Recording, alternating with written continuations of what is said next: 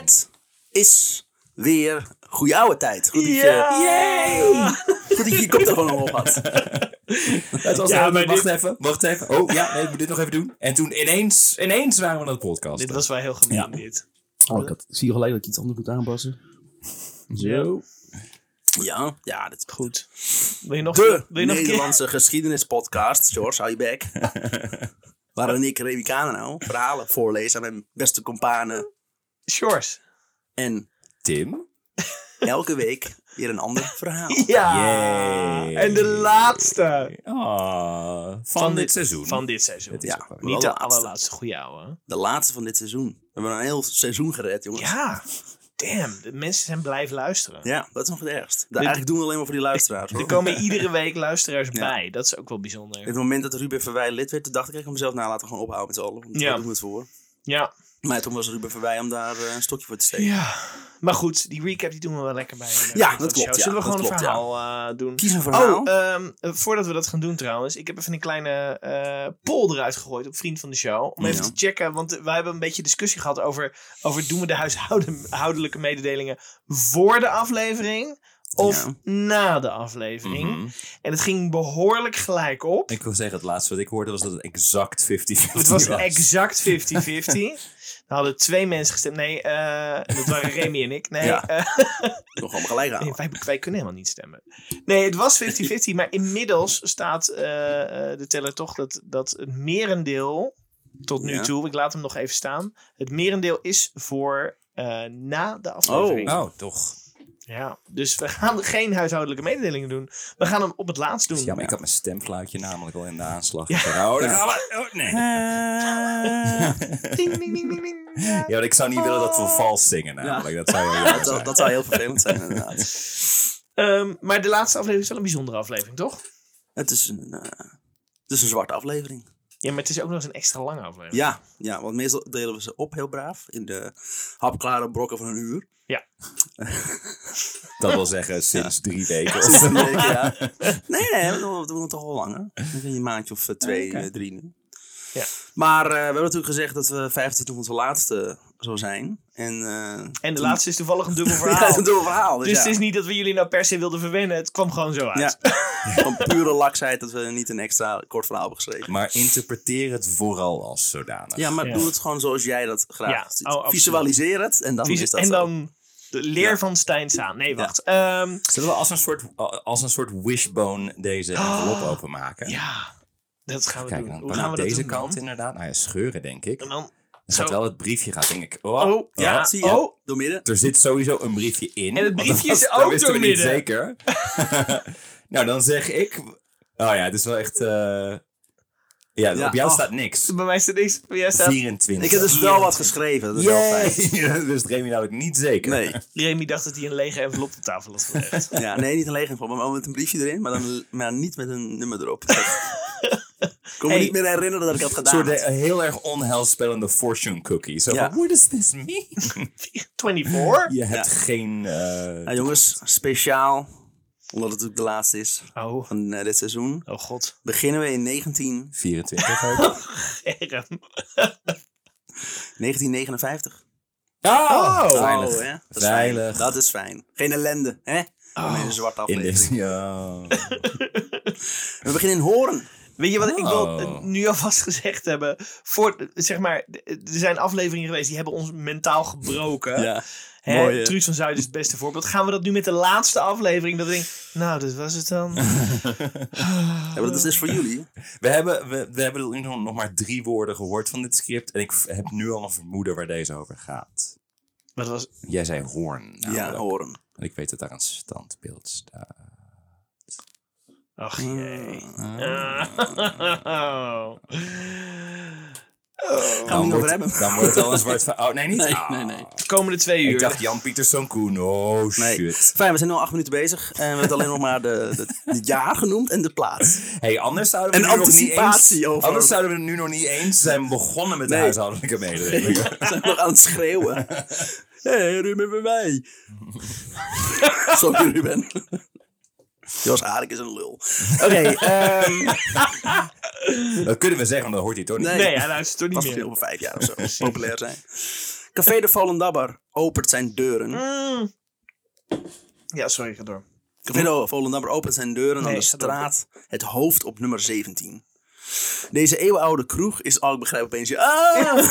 Ja, maar dat is een kroeg even, in Volendam, Ja. niet een kroeg genaamd de Volendam. Nee. Eeuwenoude kroeg is nog van eh, Willem IJsbrand zoon Bonte Koe geweest, die kent hem niet. Zeker. Maar nu is hij van Marie Kazenbrood. Maar die laat hij er niet vanaf weten, toch? Nee. Goed zo. Samen met, haar, eh, en samen met haar man Bruin Kok komen ze uit Volendam. Waar Bruin visser is op de boot de Pelikaan. De Volendammers spreken dit echter uit als Pilika. Ze kennen het woord pelikaan niet uitspreken. Ja, Pilika. De Volendammers. De Volendammers, ja. In Hoorn. In Hoorn. Maar de Volendammers zijn Volendammers, want ze komen uit... Zijn Volendammers, die zitten in Hoorn, maar ze komen uit Volendam. Ja. En die Volendammers heet... eh, Bruin Kok heeft gewerkt op een schip, heet Pelikaan. En de mensen die dus in Volendam, wat door de volksmond ook wel Volendammers worden genoemd, die noemen dus Pelikaan, noemen ze Pilika. En ze hebben een kroeg ook vernoemd naar de stad waar ze vandaan komen. Ik was, zo bang, ik was zo bang dat ik het kwijt zou raken. Maar gelukkig. Eerst We zijn ja. er nog. Ja. Twee uur, hoor. Twee- uur, jongens. Zo.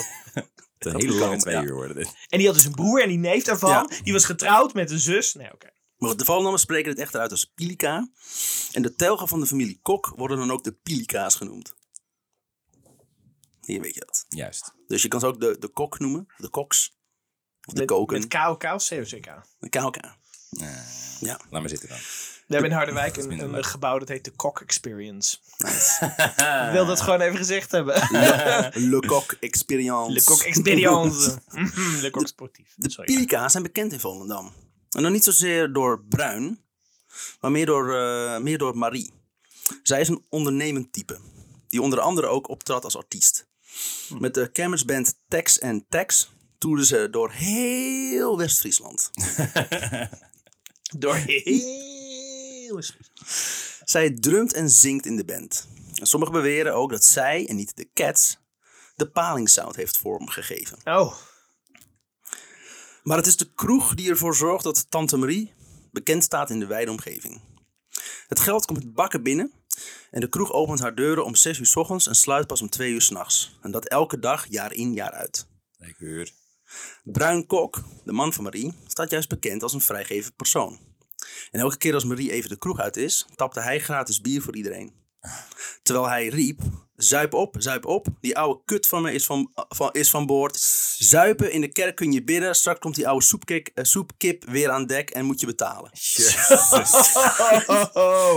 Dus zij brengt het geld binnen en hij, hij flikkert Ja, erin. en het scheld eruit. Maar ik heb me laten vertellen dat dat liefkozende woordjes zijn in Volendam.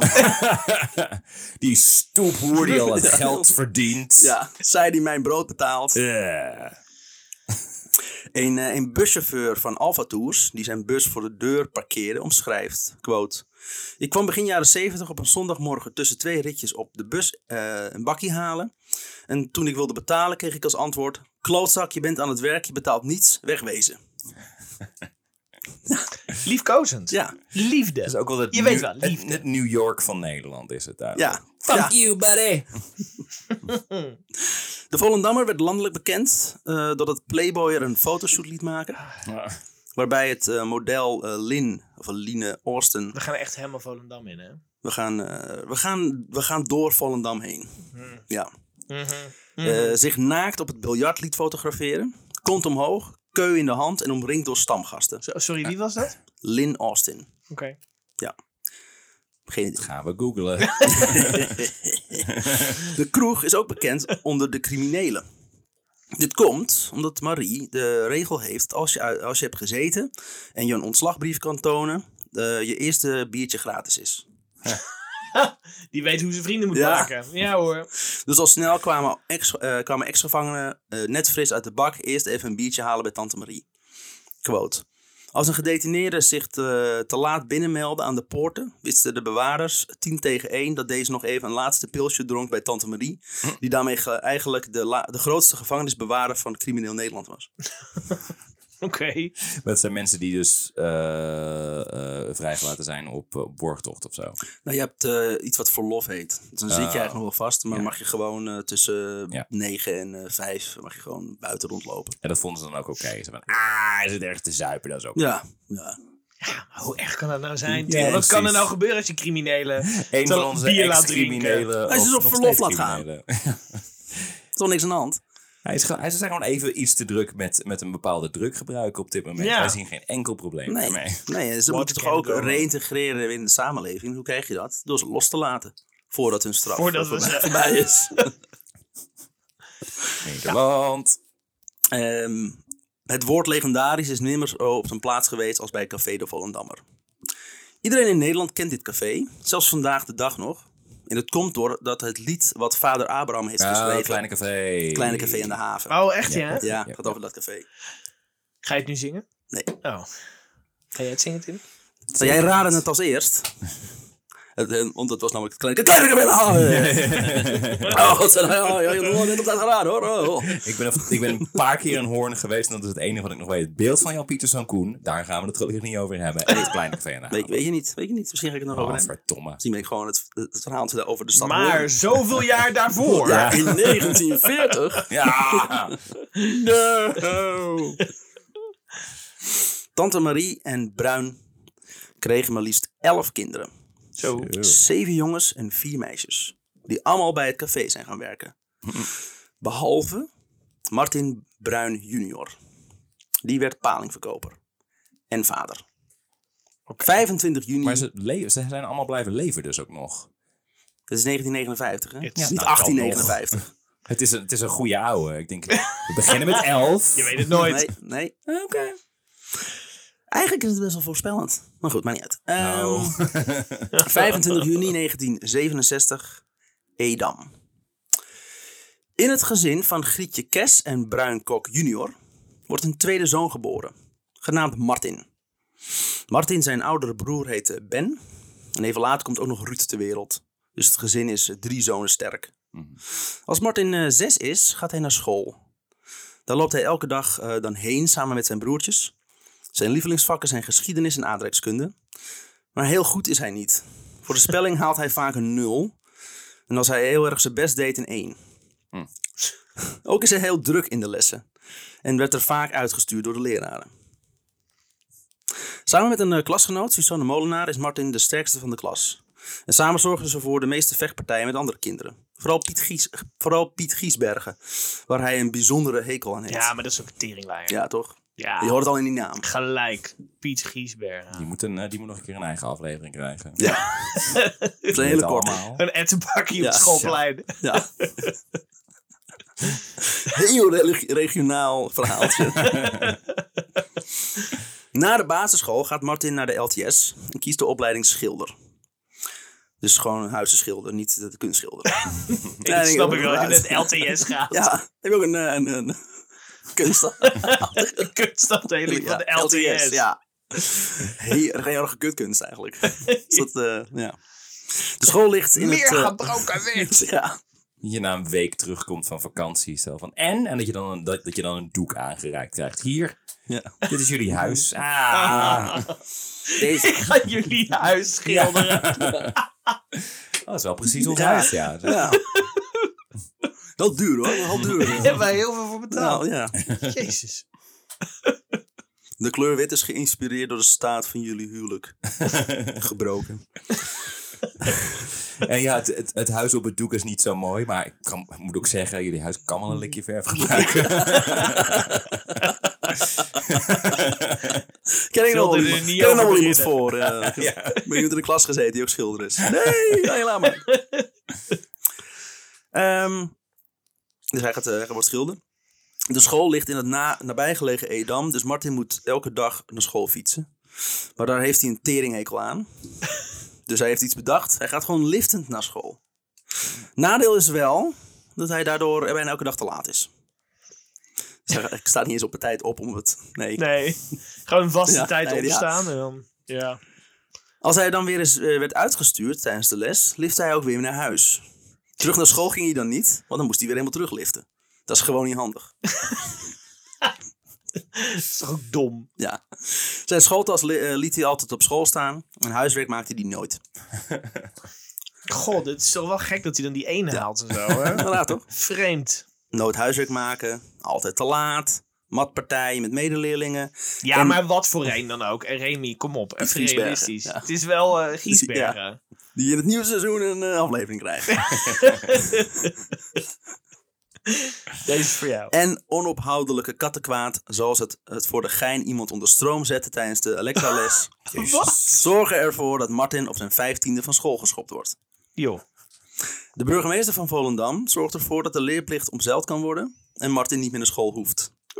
Specifiek voor hem? Ja. De burgemeester, de burgemeester heeft ook zo'n hekel aan hem. Ja, Dat is waarschijnlijk de vader van die van die Giesbergen. Giesbergen, ja. De gemeenteraad is bij elkaar gekomen specifiek over deze, dit kutje. Och, Ja. ja, je Wat weet doen we hier? Ieder aan? kind verdient natuurlijk eh, opleiding. Maar Behalve. dit is- Behalve. niet. Martin, Martin, ja. Ja, kut jong. Martin Kok.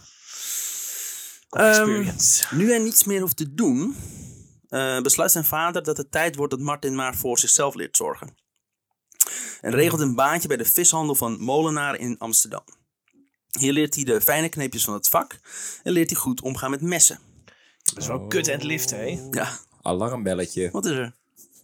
Leert goed omgaan met messen. Ja, dat heb je ook wel nodig als je in de vishandel gaat werken.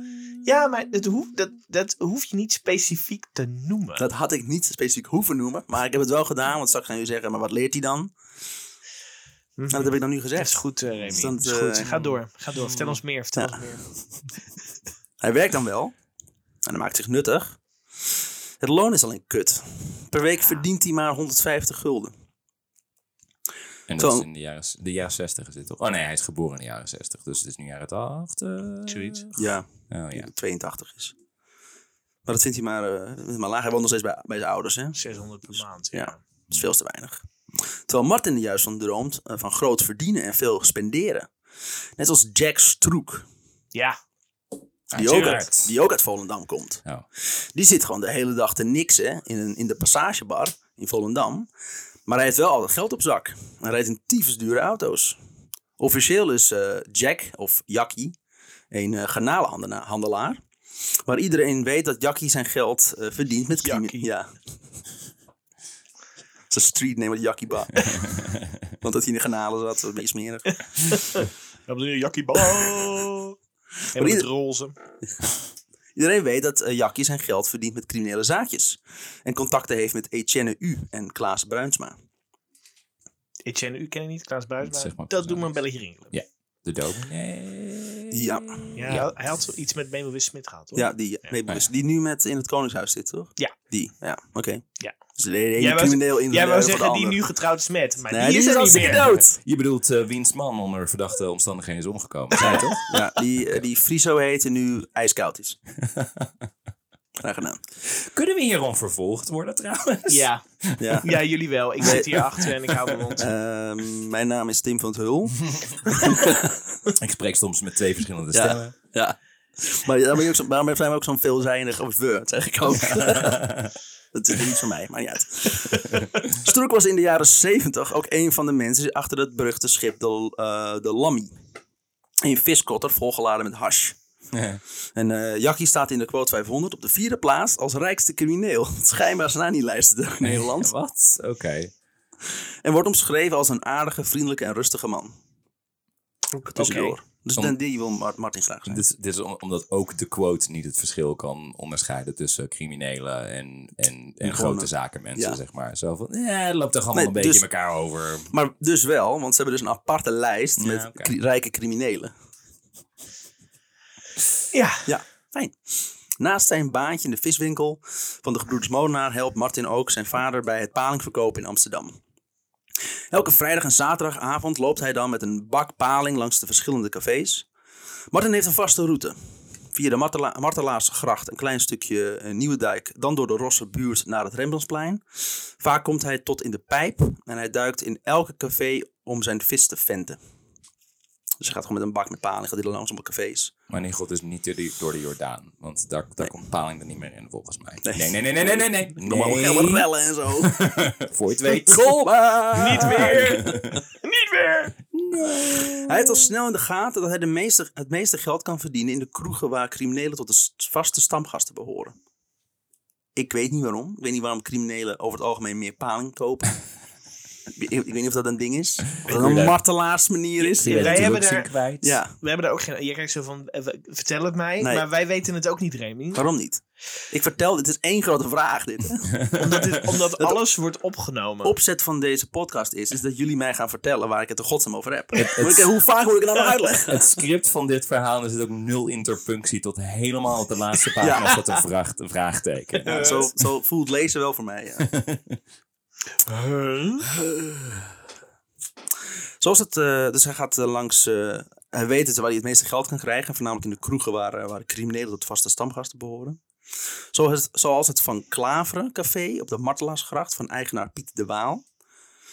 Cor van Hout, dan vooral bekend van het nog niet ontvoeren van Freddy Heineken, is daar een stamgast. hey, ben jij niet die vent die niet die Heineken heeft ontvoerd? Ja, ja, ja, maar daar heb ik eh, een tijdje niet voor gezeten. hoor. Street cred. Wel een beetje trots op die zin trouwens. Dan loopt hij naar eh, café eh, Cilia, waar vooral zware jongens hangen. Met name de Hugo's en de Albanese. Hugo's was een quote trouwens, misschien moet ik dat eerst zeggen. En vol- De Hugo's. de Hugo's, Joegoslaviërs, Oh. toen ze nog een land waren. Volgende stop is café, café Koffiehuis Metro. Café, koffiehuis, ja, café, metro. koffiehuis. Wat ben je? Café, koffiehuis, kafferszaak, metro. dat ligt in de buurt van het Waterloopplein. Hier zitten voornamelijk eh, helers, kooplui en pooiers. Elke uur kwam daar een eh, junk binnen met gestolen spullen. Sieraden, leren jassen, autoradio's, videorecorders, bestek, checks. Een Martin- menselijke voet. Ja, embryo's. eh Dat is hiervoor. ja. En net vers, eh, vers eruit getrokken. Iemand? Hallo? Ik heb, ik heb contact bij een abortuskliniek. Martin koopt eh, regelmatig... eh, Abortus. ja, koopt, koopt- Feuts? Nee. oh, Martin koopt regelmatig spullen. Zodat hij die weer in Volendam kan doorverkopen voor extra zak, zakcentje. Want hij verdient te weinig. Tuurlijk. In de JR-bar, waar Jopie Kaart... Dat is een bijnaam. Ik weet, niet, ik weet zijn echte naam niet. Eh Jopie is namelijk een heel goede kaartspeler. Eh, de uitbater van het café is en altijd een hele doos paling van Martin koopt, ziet de 15-jarige hoe criminelen als Klaas Bruinsma en Dikke Charles tienduizenden guldens inzetten tijdens eh, gokspelen. Alles in de JR-bar was gratis. Drank, eten, verzin het maar. Het enige wat JR vroeg was een deel van de gokomzet. Dat is slim. Dan moet er flink, eh, dan moet er flink eh, gegokt worden. Ja. Ja, ja. Martin kijkt vol verwondering naar, de- naar deze grote der aarde. Een café JR is dan ook een van zijn fa- eh, favoriete stops elk weekend. Mensen als Klaas Bruinsma een der van de groten der aarde noemen, dat is niet per se een heel goed teken voor onze Martin. Als ik eerlijk mag zijn. Nee, Als dat je een- helden zijn. begint als een Scorsese-film. ja, Ja. I wanted to be one of them. ja. Ja. Ah, lekker. Ehm, hier vindt hij ook een nieuw handeltje. Wat, denk, wat denken jullie aan? Wat, wat zou hij vinden? Jaren tachtig in, in Amsterdam, heroïne. Ja? Ik weet het niet. Nee, Cocaïne. Ah, cocaïne. Wat destijds nog niet zo groot was. Dus dan... Niks? Nee, iemand? Oké. Hij gebruikt dat eh, zelf niet, maar hij koopt het wel op, zodat hij die, eh, dit weer kan doorverkopen in Volendam. Martin is nu 17 jaar. Ik ben eh, Martin, eh, Martin de Kok met eh COKE. Ja.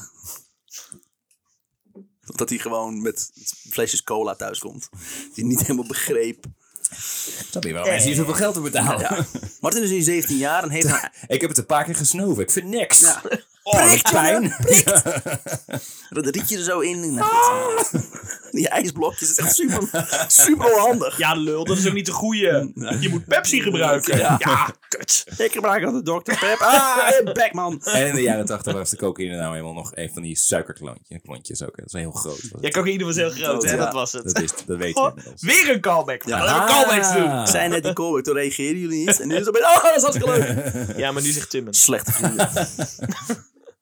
Het is goed dat het einde is van dit eerste seizoen. Ik ben echt helemaal klaar. We zijn allemaal toe aan vakantie. Ja. Het is zwaar geweest. Ja. Dat zo'n depressief een jaar uit. het, was niet alleen, het was niet alleen voor de luisteraars een lang jaar. Ehm, Eh, Martin is nu 17 jaar en heeft naar eigen zeggen, quote, Volendam volgegooid met cocaïne. Zo, dat zijn, zijn oh, dus. zo. Is nooit meer weggegaan ook. Weet je wat ik ga doen? Ik ga Volendam volgooien met cocaïne. Waarom waar ging je niet gewoon een krantenwijk? Nee, nee, nee, nee. cocaïne. Cocaïne. hij was de eerste dealer waarbij je cocaïne kon kopen. En nu zo rijk als een garnaal, kan hij zijn werk in de vishandel opzeggen. Zijn garnalen heel... Ja, is dat een... Ja? ja. Ik zou iedere gamba eh, rijk noemen. Oh ja. Maar garnaal. Garnaal zijn rijk. Zeker een Hollandse garnaal. is toch niet zo rijk? Nou, dat, ik vind van wel. Bij deze. Dan moet je nog stront uit schoonmaken en zo, als je Ja. het gaat eten. Nou, als je rijk bent, dan laat je andere mensen je stront uit je Net opnemen. zoals, net zoals de koningin. Ja, Sorry, jullie op hebben precies gelijk. dezelfde manier. Dus we gaan weer terug naar het koningshuis. ja, hatsa. Garnaal is het koningshuis. Wacht. Nu zo rijk als een garnaal kan hij zijn werk in de vishandel opzeggen. Om zich vol te storten op zijn carrière als kookdealer. Hij koopt voor 50 gulden aan kook op. En dit maakt hij dan weer warm. Het maakt hij warm en versnijdt het, waardoor hij het meer lijkt. En verkoopt de hele handel door voor 200 gulden. Martin woont nog wel thuis en zijn ouders weten van niets. Zijn hele kookhandel heeft hij dan ook voor het gemak ergens anders ondergebracht. Hij loopt nog wel steeds de, zijn palingronde van zijn vader. Maar dan met kook. maar dan met kook, ja. de paling ligt niet in ijs, in wit ijs, maar Ja. gewoon kook. Waarom ligt het in sneeuw? Ja, waarom- nee, dat is geen Waarom is sneeuw. die paling zo hyperactief?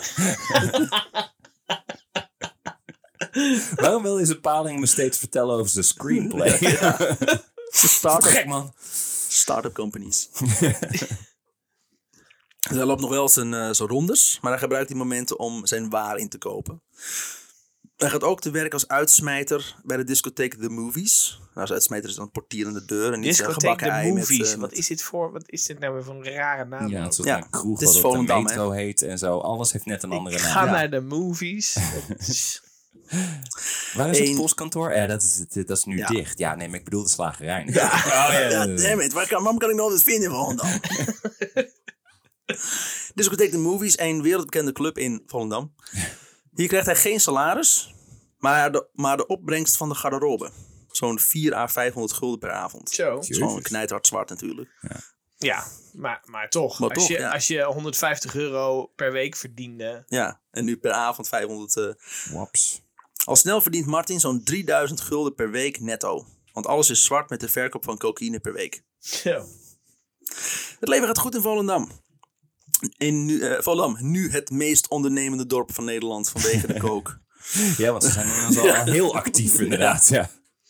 Daarom is het ook zo jammer dat er een groepje jongeren onder leiding van de Giesbergens de boel lopen te terroriseren. Nee. Ah, het is een oude high school uh, Ja, zeg jongen. maar. Ja, dat kunt jochie. Domme. Peter, Piet en Chris Giesbergen zijn eh, zogenaamde import-Volendammers. Ik wist het wel. Ze komen oorspronkelijk uit Limburg. Een mooie origin story Ja. voor hun ook. Ja. Ooit. I got a score to settle with you. Ze komen oorspronkelijk uit Limburg. Ja, En, eh, en Martin Ja. vindt het hoog tijd om die maar eens een lesje te leren. Het hele dorp, het dorp is bang voor ze, maar Martin niet. Het doelwit is Chris, want die woont immers op zichzelf. Is dat ook het kutjong wat hem te pesten of Nee, zo? Nee, Piet, Chris toch? is gewoon die broer van Piet. Oh, oké. Piet woont nog steeds bij zijn ouders. En Martin vindt dat die ouders niet, er niets mee te maken hebben. Dus Chris het is. Martin vraagt twee vrienden mee om het huis van Chris onder vuur te nemen. Zo. Midden in de nacht komen ze aan. En ze weten eigenlijk niet eens of, of hij thuis is, maar er brandt licht, dus dat zegt genoeg. Er is iemand thuis. Dus er genoeg. licht, ja. Terwijl ze nog van, ja, we gaan Piet niet doen, want er, zijn ouders wonen erbij. We willen geen innocent bystanders. Maar nu wel zo van, Ja. er is iemand binnen. Schiet hem dood. Pak je maar genoeg-. Als je maar genoeg kook hebt, dan maakt het ook eigenlijk allemaal Precies. Ja. Met twee automatische wapens. Zo! Ik dacht, ze gaan eieren gooien of zo. Nee, ze gaan gewoon volle bak met automatische wapens. Zo onschuldig jou. Jezus! Met twee automatische wapens perforeren ze de voorgevel van het appartement. Zo. 22 kogels vuren ze af. En dat er vlakbij een politiepost is, boeit ze niet. Ze kijken nog even naar het resultaat en dan rijden ze met gierende banden weg. Zo. Martin omschrijft, quote, Ik wist niet eens of hij thuis was. Maar geraakt is hij in ieder geval niet. Dat was ook niet de bedoeling. Hij en zijn broer moesten gewoon even doorkrijgen dat ze niet het uitgaansleven in Volendam moesten verstieren. Ze hebben hem emotioneel geraakt, dat wel. Ja. Ja. Zo. Een boodschap sturen. Hoeveel kogels Nou. zijn er afgevuurd? 22, 22, 22 op zoek in het handboek. Oh, dat betekent dat we niet meer het uitgangsleven in uh, Volendam mogen verstieren. Ja, specifiek in Volendam ook. Staat er nou in kogels in onze gevel geschreven... niet meer het uitgaansleven in Volendam verstieren? Alsjeblieft. Puntje, puntje, punt, punt. punt, punt. Kun je Of heel goed- anders Ja. komen we nog een keer langs het neem je onder vuur.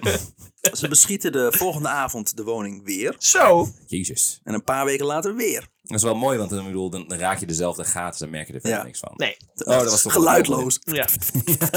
Ringloos erin. Ja, ja. Nothing but net. Ehm, ditmaal met zwaarder geschut. Magnum kogels. Van die chocolade eh, Oeh, randjes. lekker. Oh, ja. met, eh, Karamel. Oh ja, lekker. Mm. Met een stalen kop. Oh, toch iets anders. Oh. Nou, jammer. Toen ze terugliepen, stonden de buren in de tuin. En staken ze een duim op naar Martin en zijn handen. Zijn- bureau ooit. Die zijn bijna zelf geraakt, maar we zien ze worth it. Wat Ja, hebben, worth maar, it. maar in- weet je dat, wat hebben, wat hebben deze jongens, die Giesbergen, precies gedaan? Ze terroriseerden, maar was het dan ja, gewoon het mensen in dus. elkaar Mensen, timmeren? ja, mensen of- elkaar timmeren, eh, intimideren. Afpersen. Afpersen, inderdaad. Dat is Ja. onzin. Mm. Gewoon tuig. Ja, nou gelukkig eh, laat Martin zien dat zij dat niet zijn. Ja, dat scheelt. Toch? Ja, hij geeft goeie- het goede Ja, voorbeeld. ja, Hij is niet bang. Hij is immers gewoon niet bang. Ehm, Martin kan goed overweg met vuurwapens. Nou, dat blijkt. Hij zit ook op een eh, schietvereniging waar hij twee, we- twee keer per week eh, voor een paar honderd gulden wat munitie wegschiet. Hij drukt ook vaak wat munitie achterover, welke hij dan weer kan doorverkopen in Volendam. Voor een extra zakcentje natuurlijk. Zijn instructeur die zei op een gegeven moment nog van... eh, ik kan ook een doelwit achter me raken met een spiegeltje. Moet je zien? Ja. Ik ga voor alle callbacks vandaag. Callback! High five! Hoppa. Ik leef nog steeds, mijn dood is gezegd. Johnny Dry. Kijken wie we allemaal voorbij kunnen laten komen. Mouse. Oh nee. Ehm, dat deed hij dus van een extra zakcentje. Dit doorverkopen deed hij ook aan de politie. Maar Die bij hem aan de lopende band gestolen waar, kook en kogels kocht. Ah, fijn. Mhm. Fijn. Als bewijsmateriaal. Ja. Uiteraard. Oh, ik heb er heel veel opgepakt. Ja. Het kostte maar duizend euro, duizend gulden. Maar dan doe je het verkeerd, eh, Henk. Ja. Wat? Nou, Ik haal het toch van de Ja. straat af?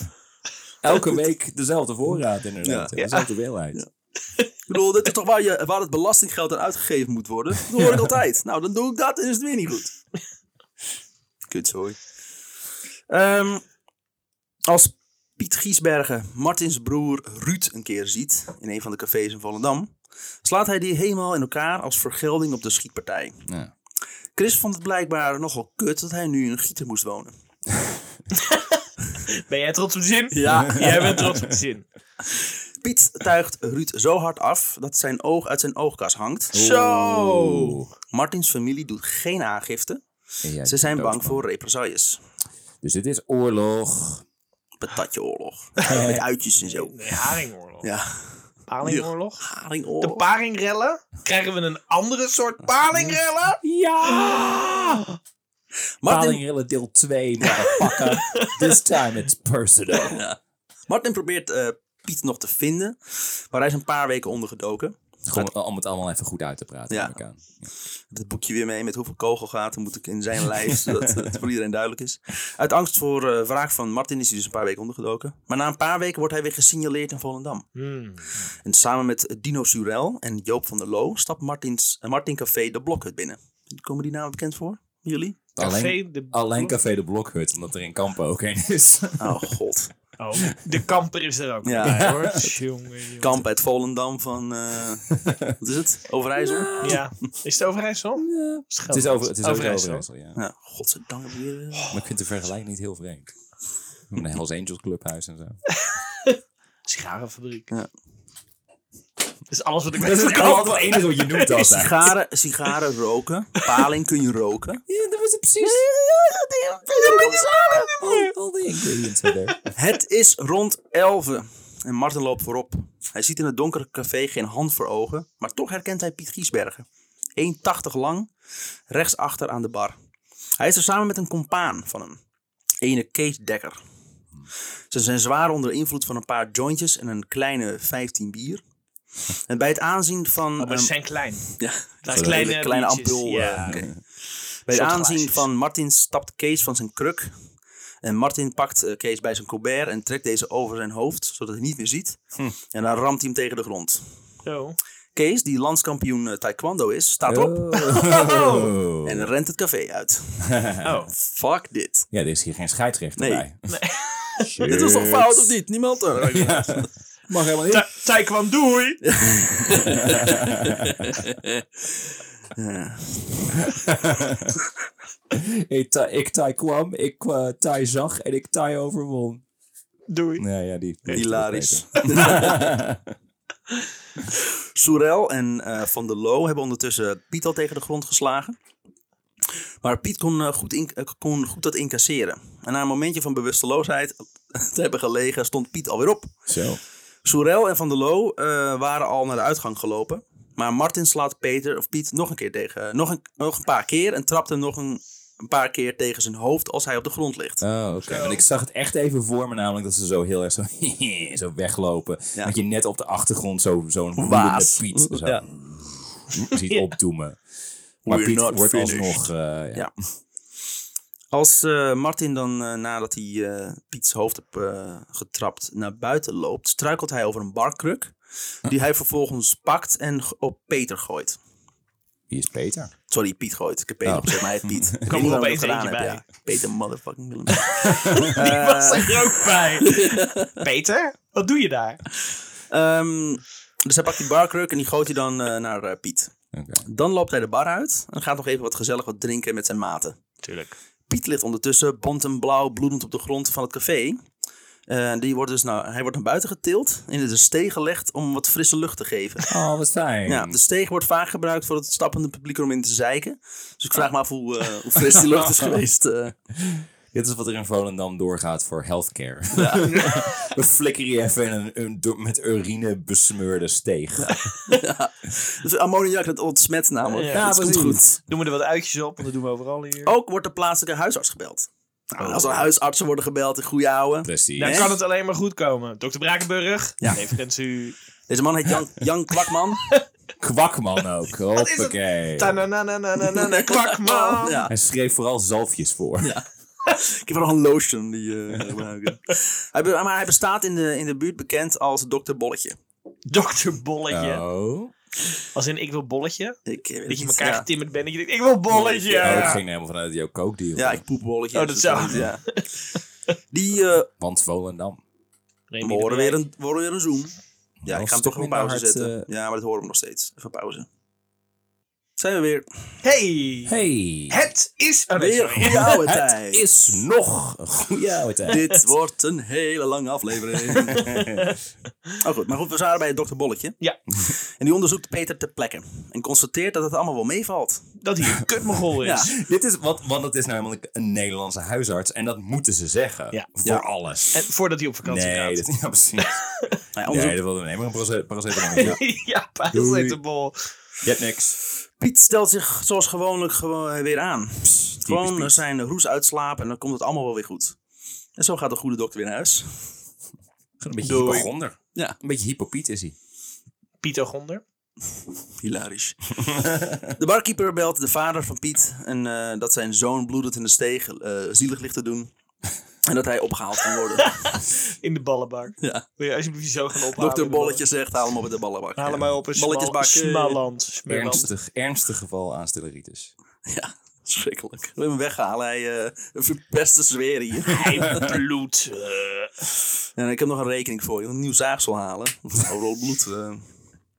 of van die pinda-snippers. Ehm, Martin heeft tijdens het stappen een beetje last van zijn teen. Hij besluit schoppen. langs, ja, besluit langs dokter Bolletje te gaan. Oh god. Die constateert dat de teen gekneusd is. Ja, dit is heel erg. Dit is heel erg. Oh. Nu heb je een zak vol opiaten. Ja. partijdige, het partijdige huisarts. Ja. Martin vertelt hem dat dit komt omdat hij een stuk of twintig keer tegen het hoofd van Piet heeft getrapt. dat hij dat zegt Ja. ook. Dat kan niet, want Piet heeft niks. Komt daardoor. En dan zegt het bolletje, maar dat kan helemaal niet, want ik ben net bij hem geweest. En hij is gewoon een aanstelleriet. Markeert er niks. Zijn neus zit wel Ja. andersom in zijn gezicht. Zijn neus maar- zit in de voet van Martin. Die haalt hij er zo tussenuit. Op weg naar de dokter was eh, Martin nog aangehouden door de politie. Omdat hij te hard reed. Hij kreeg geen bekeuring. Maar wel felicitaties, omdat hij die Giesbergens een keer een goed lesje had geleerd. Dus Martin staat echt boven de wet in, op elke... eh, Ze vonden het prachtig. Ja, die Giesbergers die hebben echt haat op zich Ja. eh, Ja. in Volendam. Piet, eenmaal thuisgebracht door zijn vader, is zo'n kluns dat hij niet eens rechtop kan zitten. Of staan. Hij valt de hele tijd om.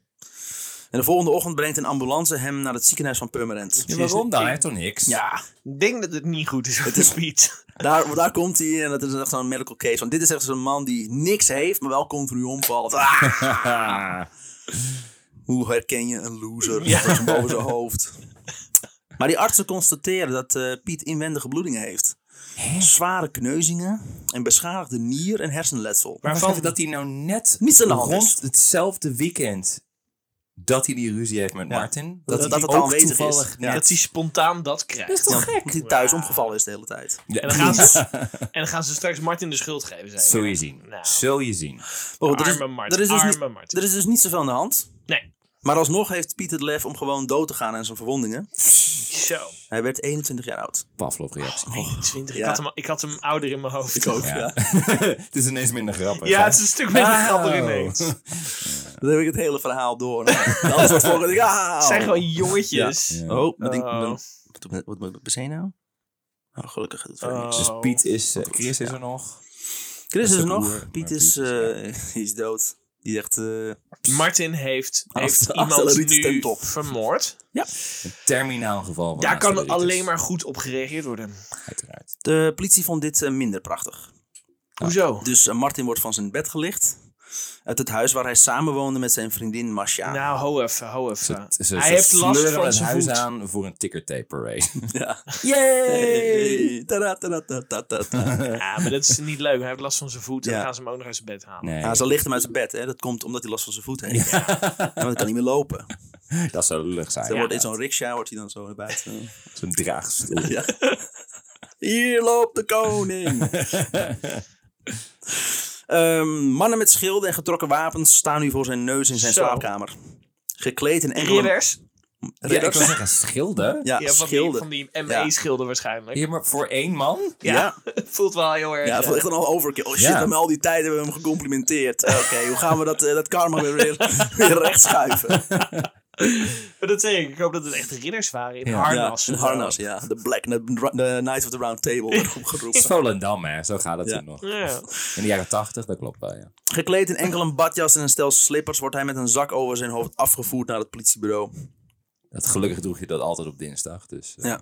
De dagen hierop, eh, hierop pakken de kranten flink uit over de dood van Piet Giesbergen. Vooral de Telegraaf valt niet uit.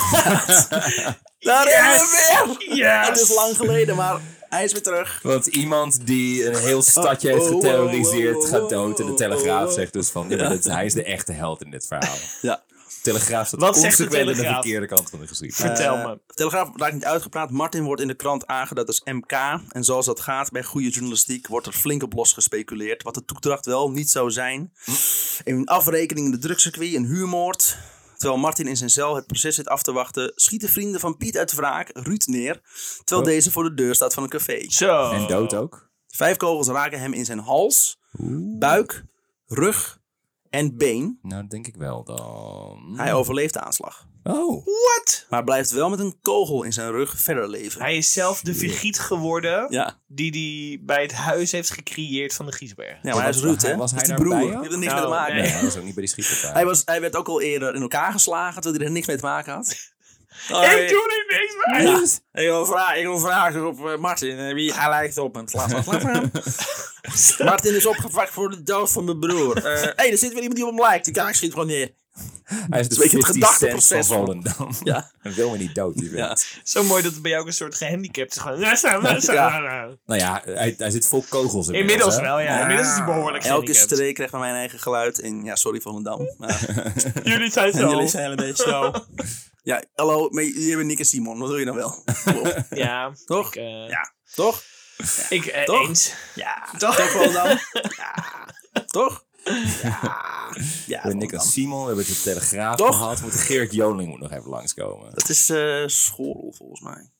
Komt het Schorel? Ja, maar we hebben schagen. Gerard Jarling ook genoemd toen we in Vietnam zaten. Ja, dus maar eh, Gerrit Janning is overal. Precies. Een nipperend eh, figuur. Ger- Gerard Joling is eh, tijdloos. Ja. Letterlijk. Dat als je, als je naar hem zijn zijn gezicht kijkt, denk je... Tijd heeft geen vat op jou. Wat gebeurt hier? Wat gebeurt hier? Ja. Hoe kun je en 20 zijn en 50 tegelijkertijd? Als je begint trouwens met goede ouwe, je begint met deze aflevering, dan is het zo vreemd Ja. wat we allemaal noemen. Ja, hier heb je niks van. Alle grappen zijn callbacks. Ja, wij kunnen er niks aan doen. En als je de de hele volgorde serie luistert. hebt geluisterd, dan is het iets minder vreemd. Ja, dan Maar is nog steeds behoorlijk Dan is het vreemd. vermoeiend. Namelijk heel vermoeiend. Ja. Oh, oh, ze halen die weer uit de kast. Jezus. Gerard Joling hoort in de kast, niet eruit. Waar waren we? Oh ja, Ruud. Ru- Nee, Piet is dood. Oh, oh ja, Ruud leeft nee, nog. Ruud leeft nog. Ruud is een badass. Ruud is een safe. Precies. Piet die overleed omdat er eh, twintig keer tegen zijn hoofd wordt geschopt. Hè? Wanneer hoor je dat nou? En Ruud die overleeft gewoon eh vijf kogels in zijn, in zijn fucking lijf. Ja.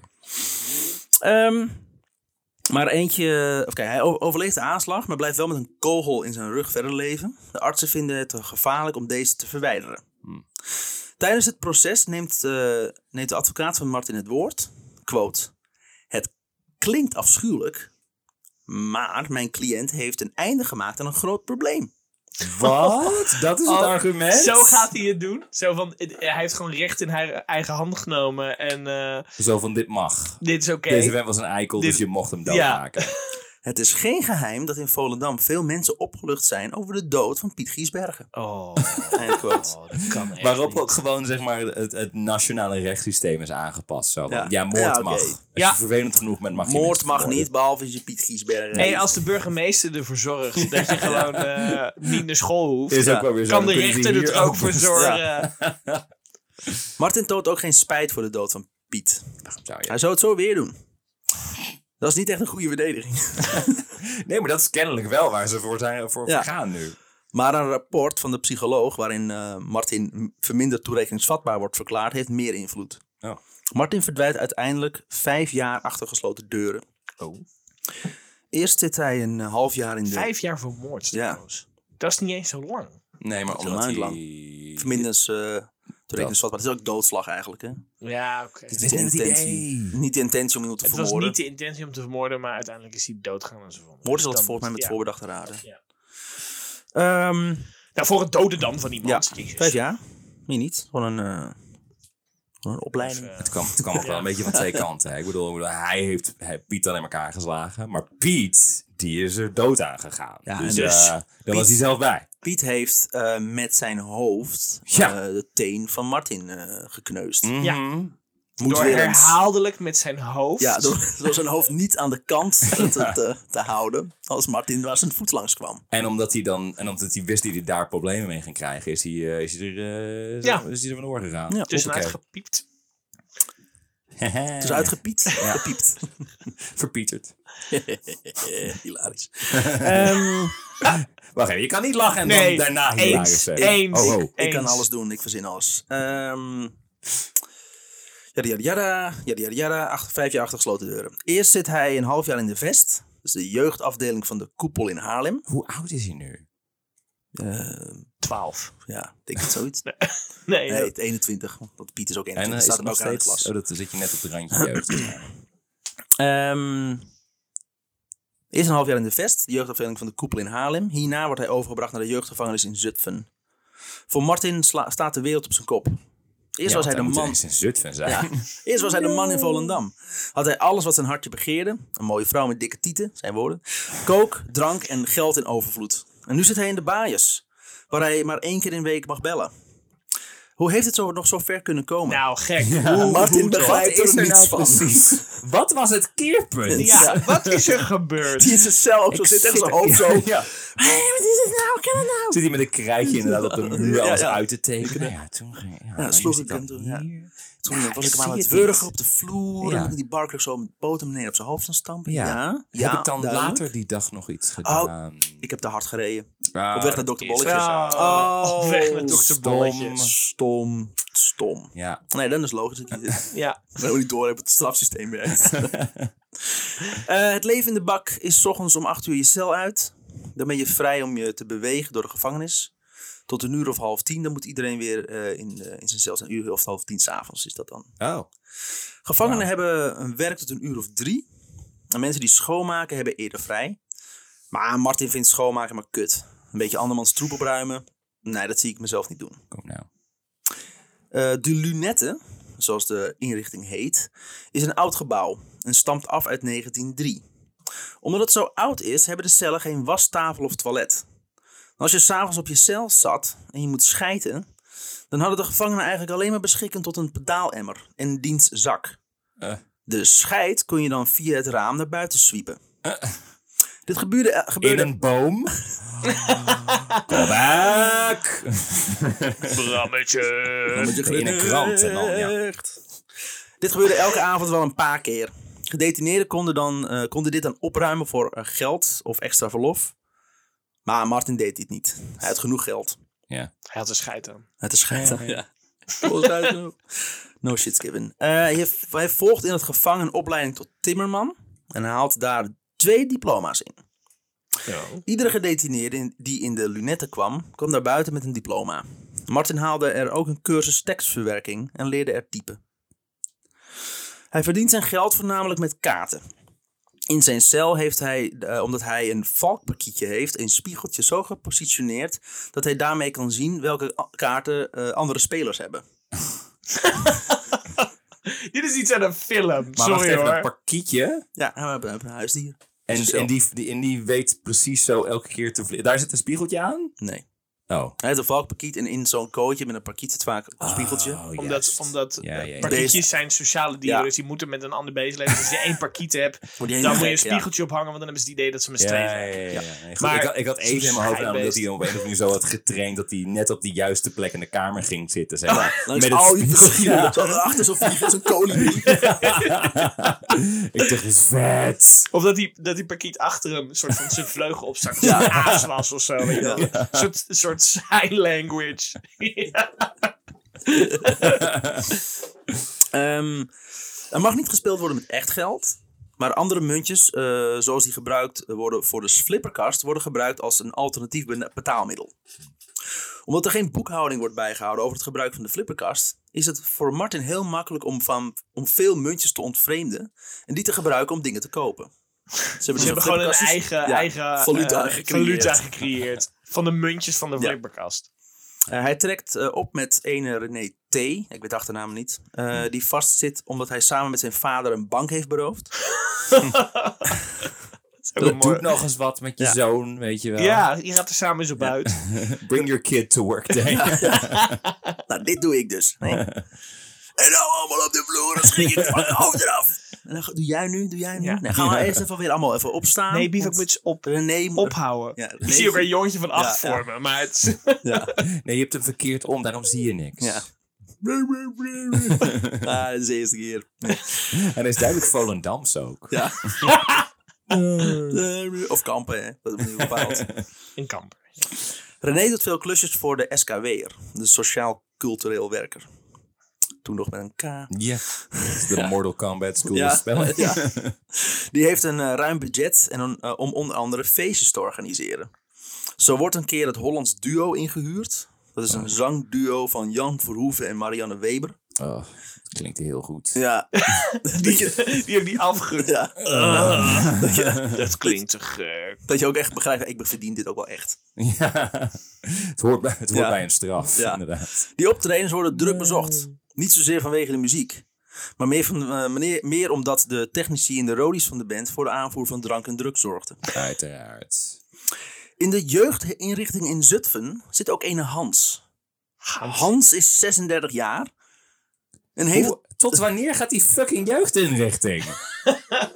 Is het misschien een, een bewaker? en heeft het op een of andere manier het geregeld dat hij nog steeds zit in een jeugdgevangenis.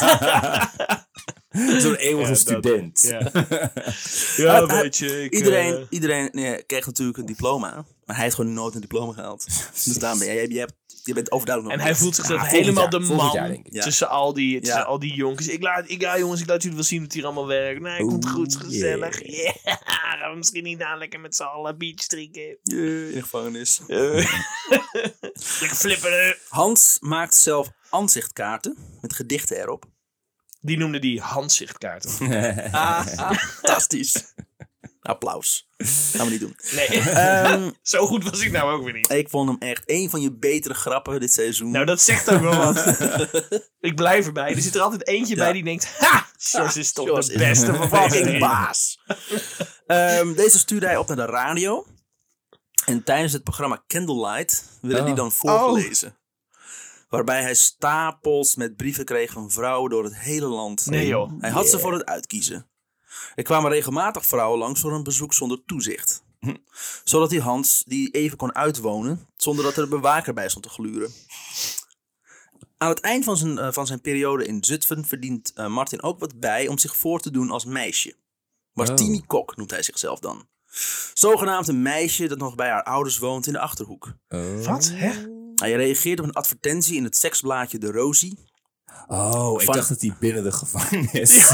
ik dacht, oké. Oh, wat gebeurt er? Hallo, ik ben- Interest. Oh nee, ja, mijn naam is Martini Kok. Ik ben Ik was, Martini. meestal als je, als je doorgaat voor meisje in de gevangenis, is dat niet jouw eigen keuze namelijk. Hij is Het wordt ondernemer. voor je bepaald. Hij ziet gewoon waar, waar hebben mensen het meest van nodig, dan word ik gewoon. maar hij reageert op een advertentie op het seksblaadje in de Rosie van een Otto. Een man van 30 die bij de hoogovens werkt. Ze Waar gaat dit heen? Wat gaat er gebeuren? Ja, hij gaat hem catfishen, denk ik. ja, inderdaad. Ja. Ja. Daarom is het, daarom is het ook catfish, want hij komt uit Volendam. Volendam, nou, Ja, alles dus is ja. vis. En de cats komen uit Volendam. Ja, oké. Linked. Klaar, mooi. Alles komt Volendam. Al het ellende, Volendam. En we zijn klaar. Stop maar met de aflevering. Het is goed. We zijn er. We zijn er. Tot volgend jaar! Ze schrijven brieven heen en weer. En als Otto vraagt om foto's, stuurt eh, Martin een foto door van een van de danseressen die wel eens heeft opgetreden in Zutphen. Als Otto wil het afspreken, schrijft Martin dat hij wel naar hem kan toekomen, maar dat hij geen geld heeft. Oh, En het Ja. niet, aan haar, niet aan, zijn- aan haar ouders wil Dit vragen. is echt keihard catfish, ja. Dus vroeg hij, eh, vroeg hij voor een paar meijer. En die kreeg Martin, samen met een foto van de blote pik van Otto. Oh. En een brief die aangeeft welke ondeugende dingen hij wel niet met haar zal gaan doen. Tot grote hilariteit van de medegevangenen. Oh, wat erg. In juni 1991, nu 24 jaar. En dan kus ik je vagina, want die heb je immers. Wat een loser. Hij wil seks met mij omdat ik eh, me voordoe als een vrouw. Wat een loer. Oh, maar ik moet echt goed gaan overdenken wat voor beslissing ik maak. trouwens. En dat Martin ook langzaamaan inderdaad zich afvraagt van... "Nee, Misschien wil ik dit wel. Wie ben ik Ik eigenlijk? ben- It started as a joke. Ik ga hier toch heen met mijn hoofd. Dus waarom heb ik hiervoor gekozen? Een soort van innerlijke drang om het toch, toch zo te zijn. Ben ik, ben ik misschien echt een meisje? Zo'n romantische komedie inderdaad. Je in het, in het derde, er derde bedrijf had. Oké, ik deed alleen maar om het geld. Maar nu, Ja. Ik heb jullie leren kennen. ik, ik voelde ineens dingen. Ik had het ook niet verwacht. Het volgende gedicht In is voor Otto. Het spijt me. In negen- juni 1991, nu 24 jaar, woont, wordt Martin overgeplaatst naar Grote Banken Bos. Dat ligt in de bossen van Veenhuizen, dat is in Groningen. Dat is de tweede keer dat hij overgeplaatst wordt, hele, toch? hele land door ook, man. daar zitten ook Dino Soerel en Joop van der Loo. Hey. Ik dacht echt dat je dinosaurus ging even. Er zit ook dinosaurus. Ja. Ook, Ja! ook een eh, Joop Valkenet. Joop was een ontzettend dikke man. Zo dik dat hij zijn eigen reet niet kon afvegen. Net als een. Oh! Ja, Is hij hij- had koninklijke bloeden. Is hij 40 jaar daarvoor SS'er geweest toevallig? Oh. Hij liep niet, maar hij waggelde. Door zijn overgewicht hoeft hij niet te werken. Ja. Eh, hij, hij zat Dan voor blijft hij... eh, dan, Ja, dan eh, blijft hij dik. Ja. hij niet te zichzelf wel in stand zo. Hij werd zo, à la Wally werd hij zo rond de gevangenis doorgereden. Een zweefstoel. Hij hoefde niet te werken, omdat hij zo dik was. Hij zat voor... Ik vind het benieuwd hoe jij dat al uitspreekt. Omdat, hij zo dik was. Oh. Een beetje extra stank er inderdaad. Ja. Zo dik. In een bureaustoel wordt hij rot getrokken. Door een veel te klein hondje met aan een touw. Oh. hij, zat, eh, hij zat voor het handelen in coke en speed. Waar hij zelf niet van nam, want anders was Ja, Ja. En hij had een het- hele kleine vriendin, Hij was het vlees geworden tegenovergestelde van... Heel klein vriendinnetje. genaamd Jopie. Nee. Joop en Jopie. Joop en Jopie. Joop en Jopie. En, en dan ook nog klein en groot. Als je Ja. zegt klein, wat heb je, bedoel je, hebben we het niet over de leeftijd? Nee, nee, Zo. gewoon Oh, eh, oké. de grootte van de mens Juist. Fijn. in zijn leven. Oh. Waar is Jopie? Waar is Joop? Waar is Joop? Heb je er weer opgegeten? Nee, ze zit hier als een kwap. Er is een tijd. Dit wordt opeens een Austin Powers film. Dit. Ja, Oh. of eh, Total Recall. Oh, Dat oh, ik cool. Ja. Dat is Jopie. Ja. Joop was een echte Joop. handelaar. Dat is Joop, inderdaad. Ja. Sorry. Ja. Sorry, ik ga door. Joop was een echte handelaar. En dat deed hij ook in de bak. Hij handelde in horloges, hele dure, maar ook neppers. En om zijn vingers zat vaak een dure ring van. Zat, om zijn, om zijn vingers zat een dure ring van 50.000 gulden. maar die was ook zo duur omdat die enorm was, namelijk. Ja, dat was een Ja, het. dat was normaal iets wat je om je middel doet. Dat een is heel riem. duur. Dat is een riem, eigenlijk.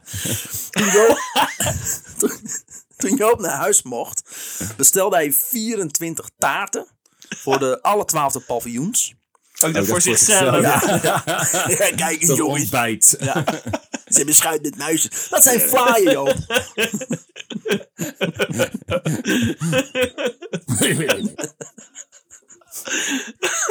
Goeie ouwe, de podcast voor fat shaming. Ja. Ik heb zo ook een pens van die Tokyo, maar niet uit. Het is dat die, het is dat die crimineel is. Ja, precies. En die andere was een SS'er, dus Ja. fuck dat. Ehm, maar goed, hij bestelde dus 24 taarten voor alle 12 paviljoens. En die werden binnen no time gegooid. Vooral Joop moest het ongelden. En hoewel Joop nooit onder de douche ging, simpelweg omdat hij te dik was, moest hij nu wel. Maar hij is net onder een vlaaiendouche Ja. geweest. Je doet je altijd dat je tijd bent, maar moet ik nou je Vervelend, ook. vervelend is als iemand een taart naar je gooit in de gevangenis. Vooral die vuil die erin zit. Ja. heel hard aan. Ah, fuck. Auw. Daarom had hij al die taarten gekocht. Ik wil het snappen. Ik begrijp het niet. Ook weer gooien. Hier zit één kampenaar tussen. Gewoon man. De ring van 50.000 gulden had hij afgedaan tijdens het douchen Oh. En wordt gejat. Ja. Nooit meer terug. Daarom Die had dat niet. kunnen Ja. denken in de gevangenis. Ja. Martin wordt door Dino en Joop ook voorgesteld aan de Heineken-ontvoerders. Ah. Willem Holleder, Cor van Hout en Jan Boelaert. Die staan inmiddels wel bekend om het Ja. ontvoeren. De, inmiddels zijn ze, staan ze bekend om het ontvoeren van uh, Freddy Heineken. Heb je de laatste keer dat ik me zag dat ik eh, niet bekend stond met het eh, ontvoeren van Freddy Heineken? Inmiddels. Ik heb daar verandering in gebracht. Dat Dat is nu, eh, wel nu bekend, niemand ja. hem herkent. Ja. Op dat, op dat moment de meest beruchte criminelen van Nederland. En dus automatisch personen waar Martin tegenop kijkt. T- eh, Martin trekt veel op met Boelaert. Boelaert wordt ook wel Poes genoemd. Dit omdat, Hey, hij zijn, Poes. omdat hij zijn hoofd schuin houdt als hij praat. Ja, alle drie ook. Zo jammer dat het geen visueel Ja. medium is dit. Visueel zijn we zoveel leuker, behalve dat ze er niet uitzien en daardoor dit niet leuk Ja. is. Ehm, maar we, we deden met, eh, met ons eh, drie allebei ons hoofd eh, op, opzij. Goed, goed dat je het nog een keer zegt. Ja. Nou is het de verteller. Ik ben de verteller. Ja. Stil. Zo blij dat het de laatste is. We moeten hier dan nog drie bonus Ja, god. Oh, wat leuk. Zwaar. Ja. Sommige mensen betalen voor deze onzin. En die krijgen dus drie extra Onzin. afleveringen vol geschreeuw. En, eh, You get what you pay for. Eh, maar hij wordt Poes genoemd omdat hij zijn hoofd schuin houdt als hij praat. Eh, hij zit zijn laatste deel van zijn 12-jarige straf uit. Hij is eigenlijk al eh, vrij vlot na de ontvoering opgepakt door de politie. Met een deel van het losgeld. In 1986 ontsnapte hij onder het oog van Peter R. de Vries, die bij hem op bezoek was uit de strafgevangenis te Scheveningen. Een Italiaanse medegevangene die een straf uitzat voor de ontvoering van Toos van der Valk, bleek een pistool te hebben bemachtigd, waarmee hij tijdens het bezoekuur enkele bewaarders bedreigde. Boelaert sloot zich hierop bij aan eh, en tezamen lukte het hem te ontsnappen.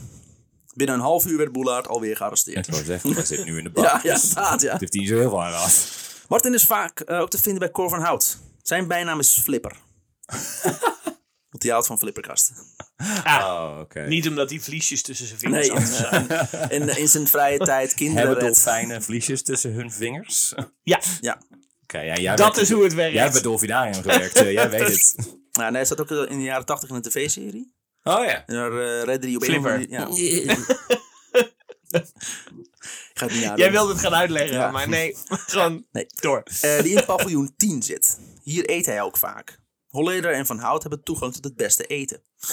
Van Hout eet eh, vaak samen met Martin en Ossenhaas. En Holleder niet, die eet alleen vis. Van rood vlees krijgt hij namelijk pijn in zijn gewrichten. Oh, Van Hout en Martin arme man. kunnen het goed met elkaar vinden. En trekken nog eh, steeds vaker eh, met elkaar op. Het eh, helpt ook dat ze allebei ervan houden de, ene, de andere in de maling te nemen. En humor schept vaak een band. Hoezo dan? Hoe werkt dat precies? Hoe werkt dat precies? Daar moet ik meer over horen. Maar dat kunnen we Ja, later nog laten doen. we Kunnen we doen. later nog De bonusaflevering. Wat is humor eigenlijk? Wat? Martin staat bekend eh, onder de medegedetineerden als de stotteraar. Oh. Vanwege zijn enorme spraakgebrek. Oh, ik dacht vanwege zijn grote Daar kom je nu pas Ja. mee. Ja, Weet je hoeveel plezier we daarmee hadden kunnen hebben de afgelopen half Ja, uur? weet ik. Dat heb ik de, dat, zo doe ik dat vaak. Na anderhalf jaar bankenbos komt Martin in Nienduren terecht. Dit is een Jezus. open baaiers in Almelo. Dit is nog steeds allemaal onderdeel van dezelfde vijf jaar Ja. eh, s- eh, Ja. vonnis. Vijf jaar plan. Open baaiers in Almelo. Ieder weekend is hij vrij. En mag hij om twee uur vertrekken. En moet hij eh, vrijdag om twee uur vertrekken. En moet hij zondag weer om elf uur binnen zijn. Oh, oké. Hier zit eh, Poes ook. En leert Martin Willem L kennen. Alias Flappy. Jezus, flapper, flippy, poes en de stotteraar. Wat is dit voor een slecht Suske en Wiske verhaal? Die waren ze, me- me- me- op eerste kerstdag waren ze die ook kwijt ineens. Bij de Terwijl, celinspectie, Flappy. terwijl Martin de dat stotteraar... was ook de eerste kerstdag natuurlijk. Terwijl Martin de stotteraar samen zit met Poes en Flappy. zit de flipper en de Zouden ze dit nou doen zodat je het ook als politie eigenlijk niet meer serieus kan nemen? je gewoon mensen kan vermoorden en zo van, nee, het Flappy. Dat, dat, dat doen ze dan in, in, bij Mayhem. Deden ze toch beter, die namen. ja, ja, In, ja. in de death metal Necro scene. Butcher. De- wat is black metal scene? Ja. Was het toch... Black eh, metal. Maar goed, terwijl Martin eh, samen zit met, eh, met Poes en Flappy... Zit de, zit de flipper en de neus in de krententuin bij horen. Dit is een Muppet aflevering Ja, maar- inmiddels. Overplaatsing, ja! Ik wist dat ook in scheidingen krijg ik nooit, nooit serieus een bek. Dat ze zijn in mijn hoofd allemaal van plusje in Ja, ja, het zijn nu allemaal poppen. Het zijn allemaal... Je ziet een been ook Oh, is dat niet veel beter als er een rechtbankscène is? Dan heb je nu zo'n zo'n Ja. tekenaar. Is dat ook gewoon met Muppets gedaan Ja, wordt? Sowieso. Zoveel beter. God, ja. Hoeveel beter was de Johnny Depp Amber Heard trial geweest? Als ze dat met, Met Muppet poppen hadden Ja. gedaan. Ja. Oké, we gaan we pitchen. Ehm, eh, dus eh, Flipper in de neus zit in de krententuin bij Horen. Dit is, wat is dit nou voor zin? Flipper in de neus zit in de krententuin? Wat is dit nou voor zin, Remy? Hoe moeten we een zwart verhaal nu nog serieus nemen als je dit soort zinnen uit gaat kramen? deden ze zonder context inderdaad in een quiz. Ja, Ja, ja, ja. Wat? Flipper in de neus zit in de krententuin. Ja. Ja, hoor. Eh, zijn ze vaak te zien in het café van Tante Marie. Ah, een normale naam. Officieel werken ze bij een eh, bloemenstal. Mhm. Maar daar hebben ze scheid aan. En ze zijn gewoon elke dag in Amsterdam. Als de controle kwam, zei de baas van de stal dat ze naar de veiling waren. Dat zat er gewoon, ja, fuck it. Nou. Doe naar de stal. Eh, als Martin op een van zijn verloven is, dan eh, gaat hij meestal terug naar Volendam. Naar Marja, een nieuwe vriendin. Marja's ouders hebben financiële, financiële problemen. En Martin heeft het op zichzelf geroepen om dat op te lossen. Wat dat maar Martin over. Hij zit nog steeds zijn straf uit. Hè? Dat doet hij in Ja. zijn verlof. Zij kwamen in de problemen door ene Jan Guit. Guit is een self-made man. Dat zijn ze toch allemaal? Ja, nou ja, niet, want je moeder maakt je en je vader ook. Dus eigenlijk is niemand echt een self-made man, want je hebt je ouders nodig. Maar op zich is het wel logisch, Fijn, dank je, Remy. alsjeblieft. Eh, die na een baan als belastinginspecteur in Zandam. Een belastingadvieskantoor is begonnen in Volendam.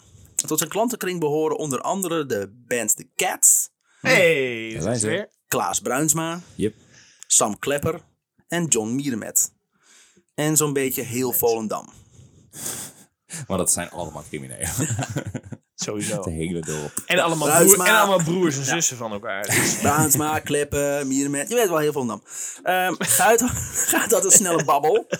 En wordt door de dorpelingen in Volendam eh, Jan Kottaar genoemd. Naar de sportcommentator van die tijd die heel snel wielerwedstrijden kon verslaan. Ze fietsen nog steeds! Ja, hij fietste zelf niet, maar hij deed het Er commentaar. was inderdaad geen enkele wielerwedstrijd die het van hem won. Ja. Nee. sloeg zo aan. Hij, hij praatte sneller dan het zij kon op de fiets.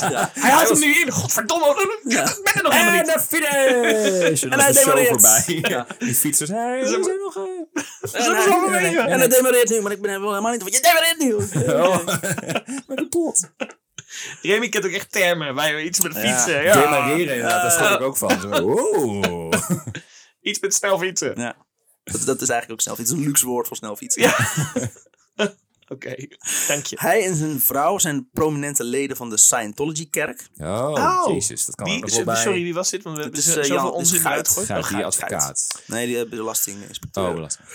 Hij is voorzitter van FC Volendam, die in die tijd in de Eredivisie speelde. Zo. Eh, verder was hij een opschepper. Erg ijdel en iemand die zichzelf vooral schouderklopjes gaf. Hij kreeg iedereen zover om bij hem geld te stallen. En Volendammers hebben over het algemeen namelijk zwart geld. En hij kon dat legaal witwassen met een rendement van wel 17%. Je zegt nu eigenlijk dat iedereen in Volendam zwart geld... eh, Ja, meestal ja, ja, Ja, dat Zo zeg ik ja. zwart als de envelop waar dit verhaal uitkomt. ja, zeker. Zeker. Begin jaren 80 komen de eerste verhalen dat Guit het meeste geld van zijn klanten zou hebben verduisterd. Zo zwart als de envelop. hier. Dit ontkent hij natuurlijk, maar als, maar als steeds meer gedupeerden zich komen melden, dan wordt het wel heel moeilijk voor hem. Zo ook ene Jan Jonk. Ja, je kan ook niet te- tegelijkertijd geld witwassen en het tegelijkertijd Verduisteren. verduisteren. Ja, dus maak je het gewoon maak je het grijs. Een soort van schemergeld. Ja. dan. Heel grijs gebied. Schemergeld. Ehm zo ook Jan Jonk. Hij had bij de Lotto 1,5 miljoen gewonnen. En bij Guit zijn geld gestald. Die had hem beloofd dat hij met zijn 45ste met pensioen kon gaan. Maar Die man was inmiddels 55, dus het hele sloeg nergens op. nee, is niet waar. Kun je niet alleen heel veel geld eh, bezorgen, maar je ook tien jaar, jaar, jonger ja. maken. In de zomer van 84 valt de politie de woning van Guit binnen en wordt deze van zijn bed gelicht. Hij, eh, Had hij ook last van zijn voet? Ja, werd ook naar buiten gedragen. Ja. Via het raam naar buiten gegooid. Ja. Woon nee. Ik wil trouwens dat jullie weten dat ik al tien minuten de, de, de tune van Flipper in mijn hoofd aan het zingen ben. Wat is de tune echt. van Flipper? Daar heb je Flipper. Oh ja. Ja, daar is hij. Flipper. Kut. Hij is geweldig. geweldig. Wat een konijn. Nee, Nee, dat was Skippy. Oh, je hebt. Godverdomme. Om trots op te zijn. Oké, we gaan door. Ben je nou blij? Ben je nou blij? Jij hebt dit de luisteraars aangedaan, hè? Het, hiel, het helpt niet ook. Nee. Gek, hè? Gek. Heel Gek. Ik werd me er ineens bewust van, van wat is toch dat deuntje wat de hele tijd... Oh, dat kut, het is de tune van Flipper. Ja. Sorry. In de zomer van 84 valt de politie de woning van Jan Guit binnen. En wordt deze van zijn bed gelicht. Hij en met, samen met twee van zijn zakenpartners wordt opgepakt wegens fraude en oplichting. Guit zou het geld... Ja, hij werd van zijn bed gelicht. Gelicht, Dus dan ja. is hij toch opgelicht. Ja. Werd, daar werd hij ook voor opgepakt. Ja. Kom uit je bed. Ah, gearresteerd. Waarom dan? Omdat je uit je bed kwam. Je bent oh, opgelicht. Wordt het niet eens tijd trouwens voor een genderneutrale term voor fraude? Dat kan echt niet meer. Jezus. Echt. Hunde Heel goed. Goed, Zijde. goed Zijde. gedaan. zijn. Zijde. Zijde. Ehm eh, en oplichting. Guit zou het geld dat hij zogenaamd in, den, kan, in, in een Canadees eh, vastgoedproject zou hebben geïnvesteerd in eigen zak hebben gestopt. Sommige Volendammers zijn alles kwijt. En vele plegen zelfmoord. Zo. Jesus. Een bakkersvrouw hangt zichzelf op. Ah, stokbrood. En een andere gooit zichzelf in de haven. De zaak van, tegen Guit wordt uiteindelijk geseponeerd. Dat is kut, hè? Komt er gewoon weer weg. Ja. De ouders van Masha, eh, Mar- Marja, hebben veel geld verloren. Wel zo'n 150.000 gulden. Dus Martin gaat samen met, met een uit de kluiten gewassen vriend even verhaal halen in de woning van Guit. Met Jopie. Jopie, de uitklas. Nee, dat is Joop. Joop. Dat is Joop, sorry. Jopie is dat in de Is die kluiten kleine, gewassen vrouw. In die, in die kluiten ge- gepropte vrouw. Ja.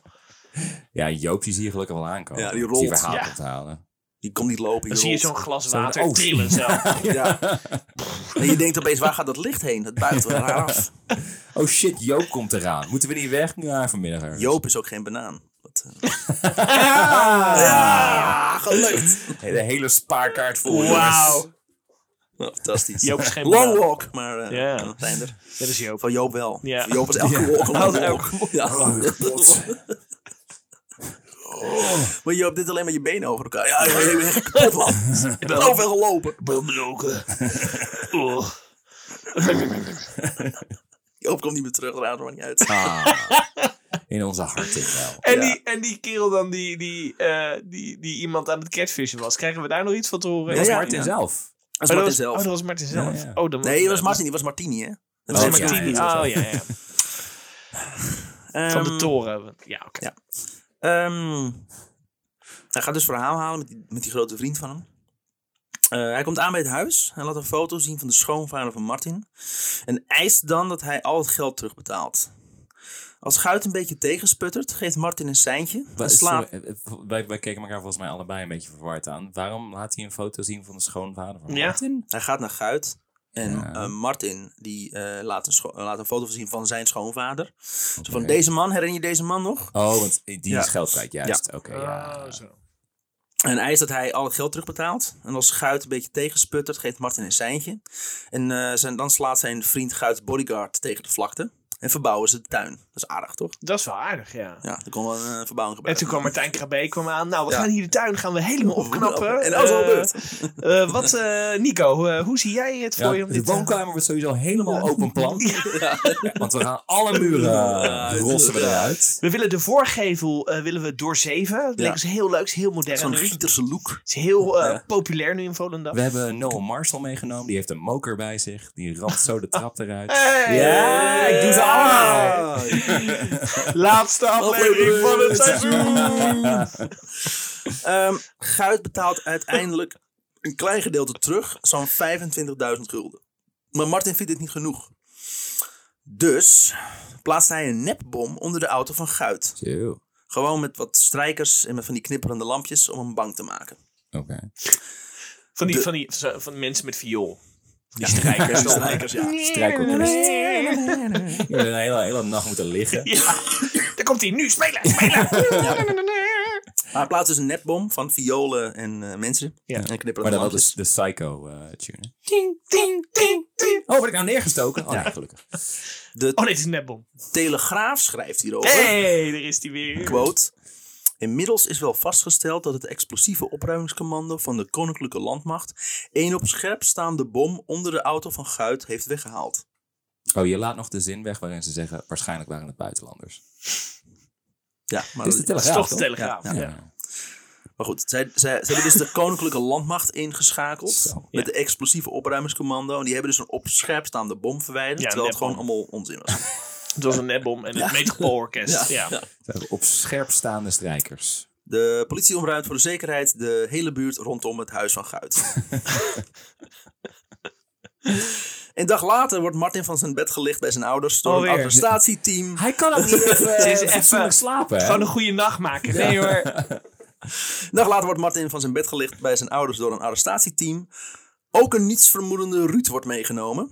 Die weer eens helemaal die arme niets met Ruud. zaak te maken Die had. arme Auw, Ruud. auw, mijn rug, auw, auw. Oh, dit is toch een kogel in, auw.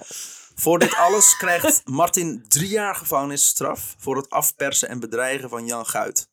Maar hij heeft wel zo'n 25.000 gulden terug weten te regelen van, voor zijn schoonvader. Oh. En Ruud krijgt vier maanden. Ja, ja, vanwege die kop van je.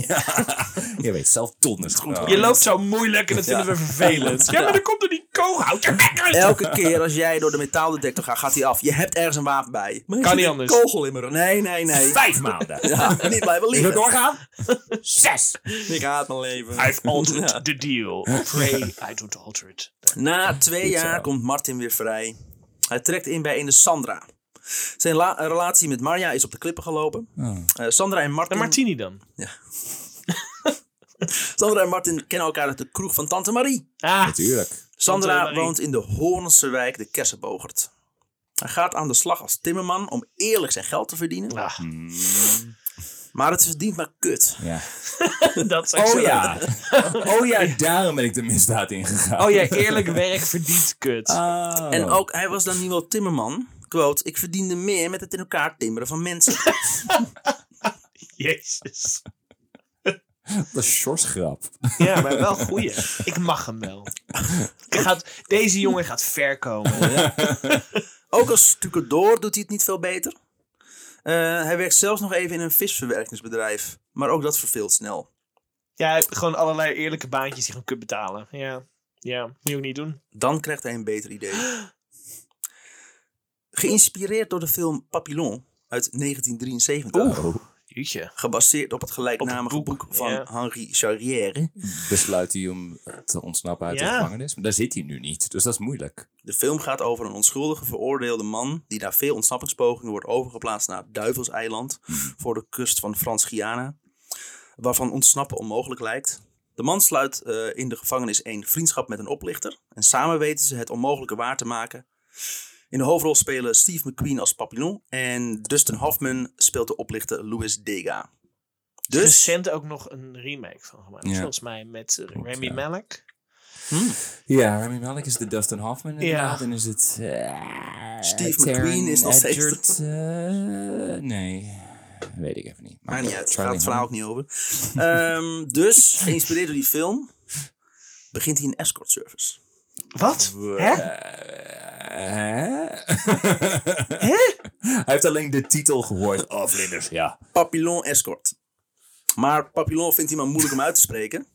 Dus gebruikt hij het Nederlandse woord voor pa- papillon, vlinder. Want dat is kort. Het heeft, Oké. quote, het heeft iets fladderigs. En wie heeft er nou hekel aan vlinders? Aldus Martin.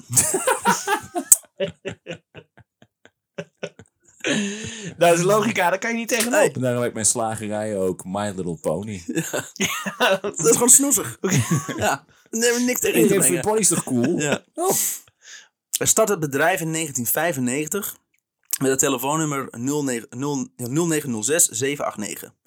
Waar men hem kon bereiken. eh, waar men hem kon bereiken. Zijn hoeren werft hij via personeelsadvertenties in De Telegraaf. Ja.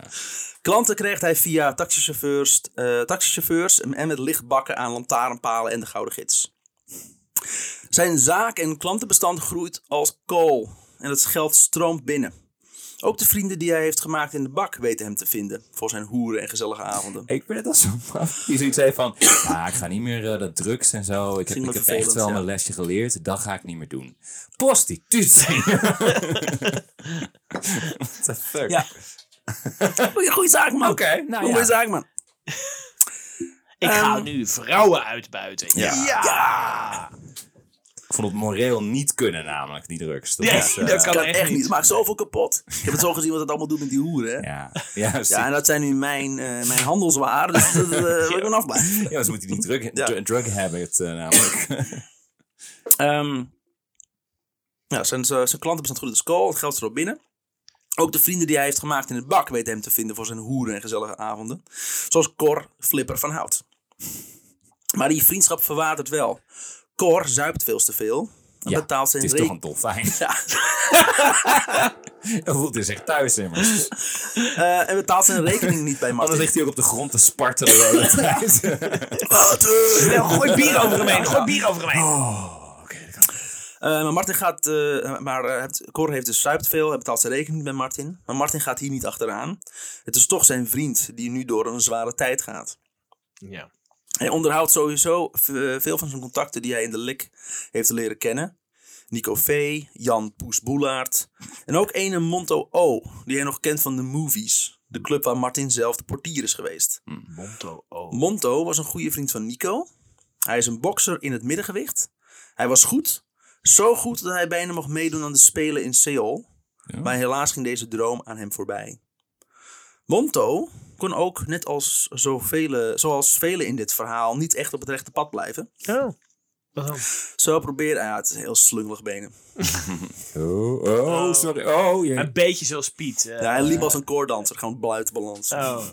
Was eigenlijk juist in balans, maar dat maakt niet uit. Ehm, Het is gek dat Ruud wel op het rechte pad kan blijven. Ja. Ondanks die kogel in zijn Ja, als je maar wil. Eh, zo probeerde hij een hi-fi zaak te overvallen. Ik dacht echt dat je high five zei. Het is een stereozaak. ik heb er echt eventjes eentje nodig. Eh, echt even, Ja. doe even snel. Hi-fi zaak. Ja, maar ja. wilt u nu een... Oh ja, hoe gaat hij dit betalen? Hallo, hallo. En Eerst hoeveel- betalen. Hoeveel kracht wilt u? Want dat is wel... eh, Ja, dat is ook weer zo. Kijk even op het menu. De eigenaar van deze tent liep altijd op dezelfde dag met zijn winst naar de bank om deze te storten. Het perfecte moment om de tent binnen te vallen en die tas met geld te jatten. Zo dacht hij. Waarschijnlijk was dat een hele domme gedachte. Want we hebben het nu over hem.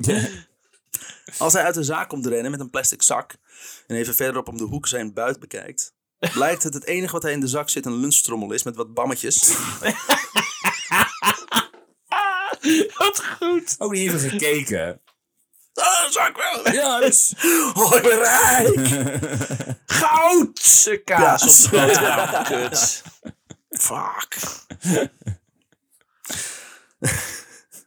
Domste overval ooit. En Montel doet nog iets doms. Hij vertelt dit alles aan een vriend. Die, eh, door de tamtam weet binnen no time de hele onderwereld in West-Friesland dit.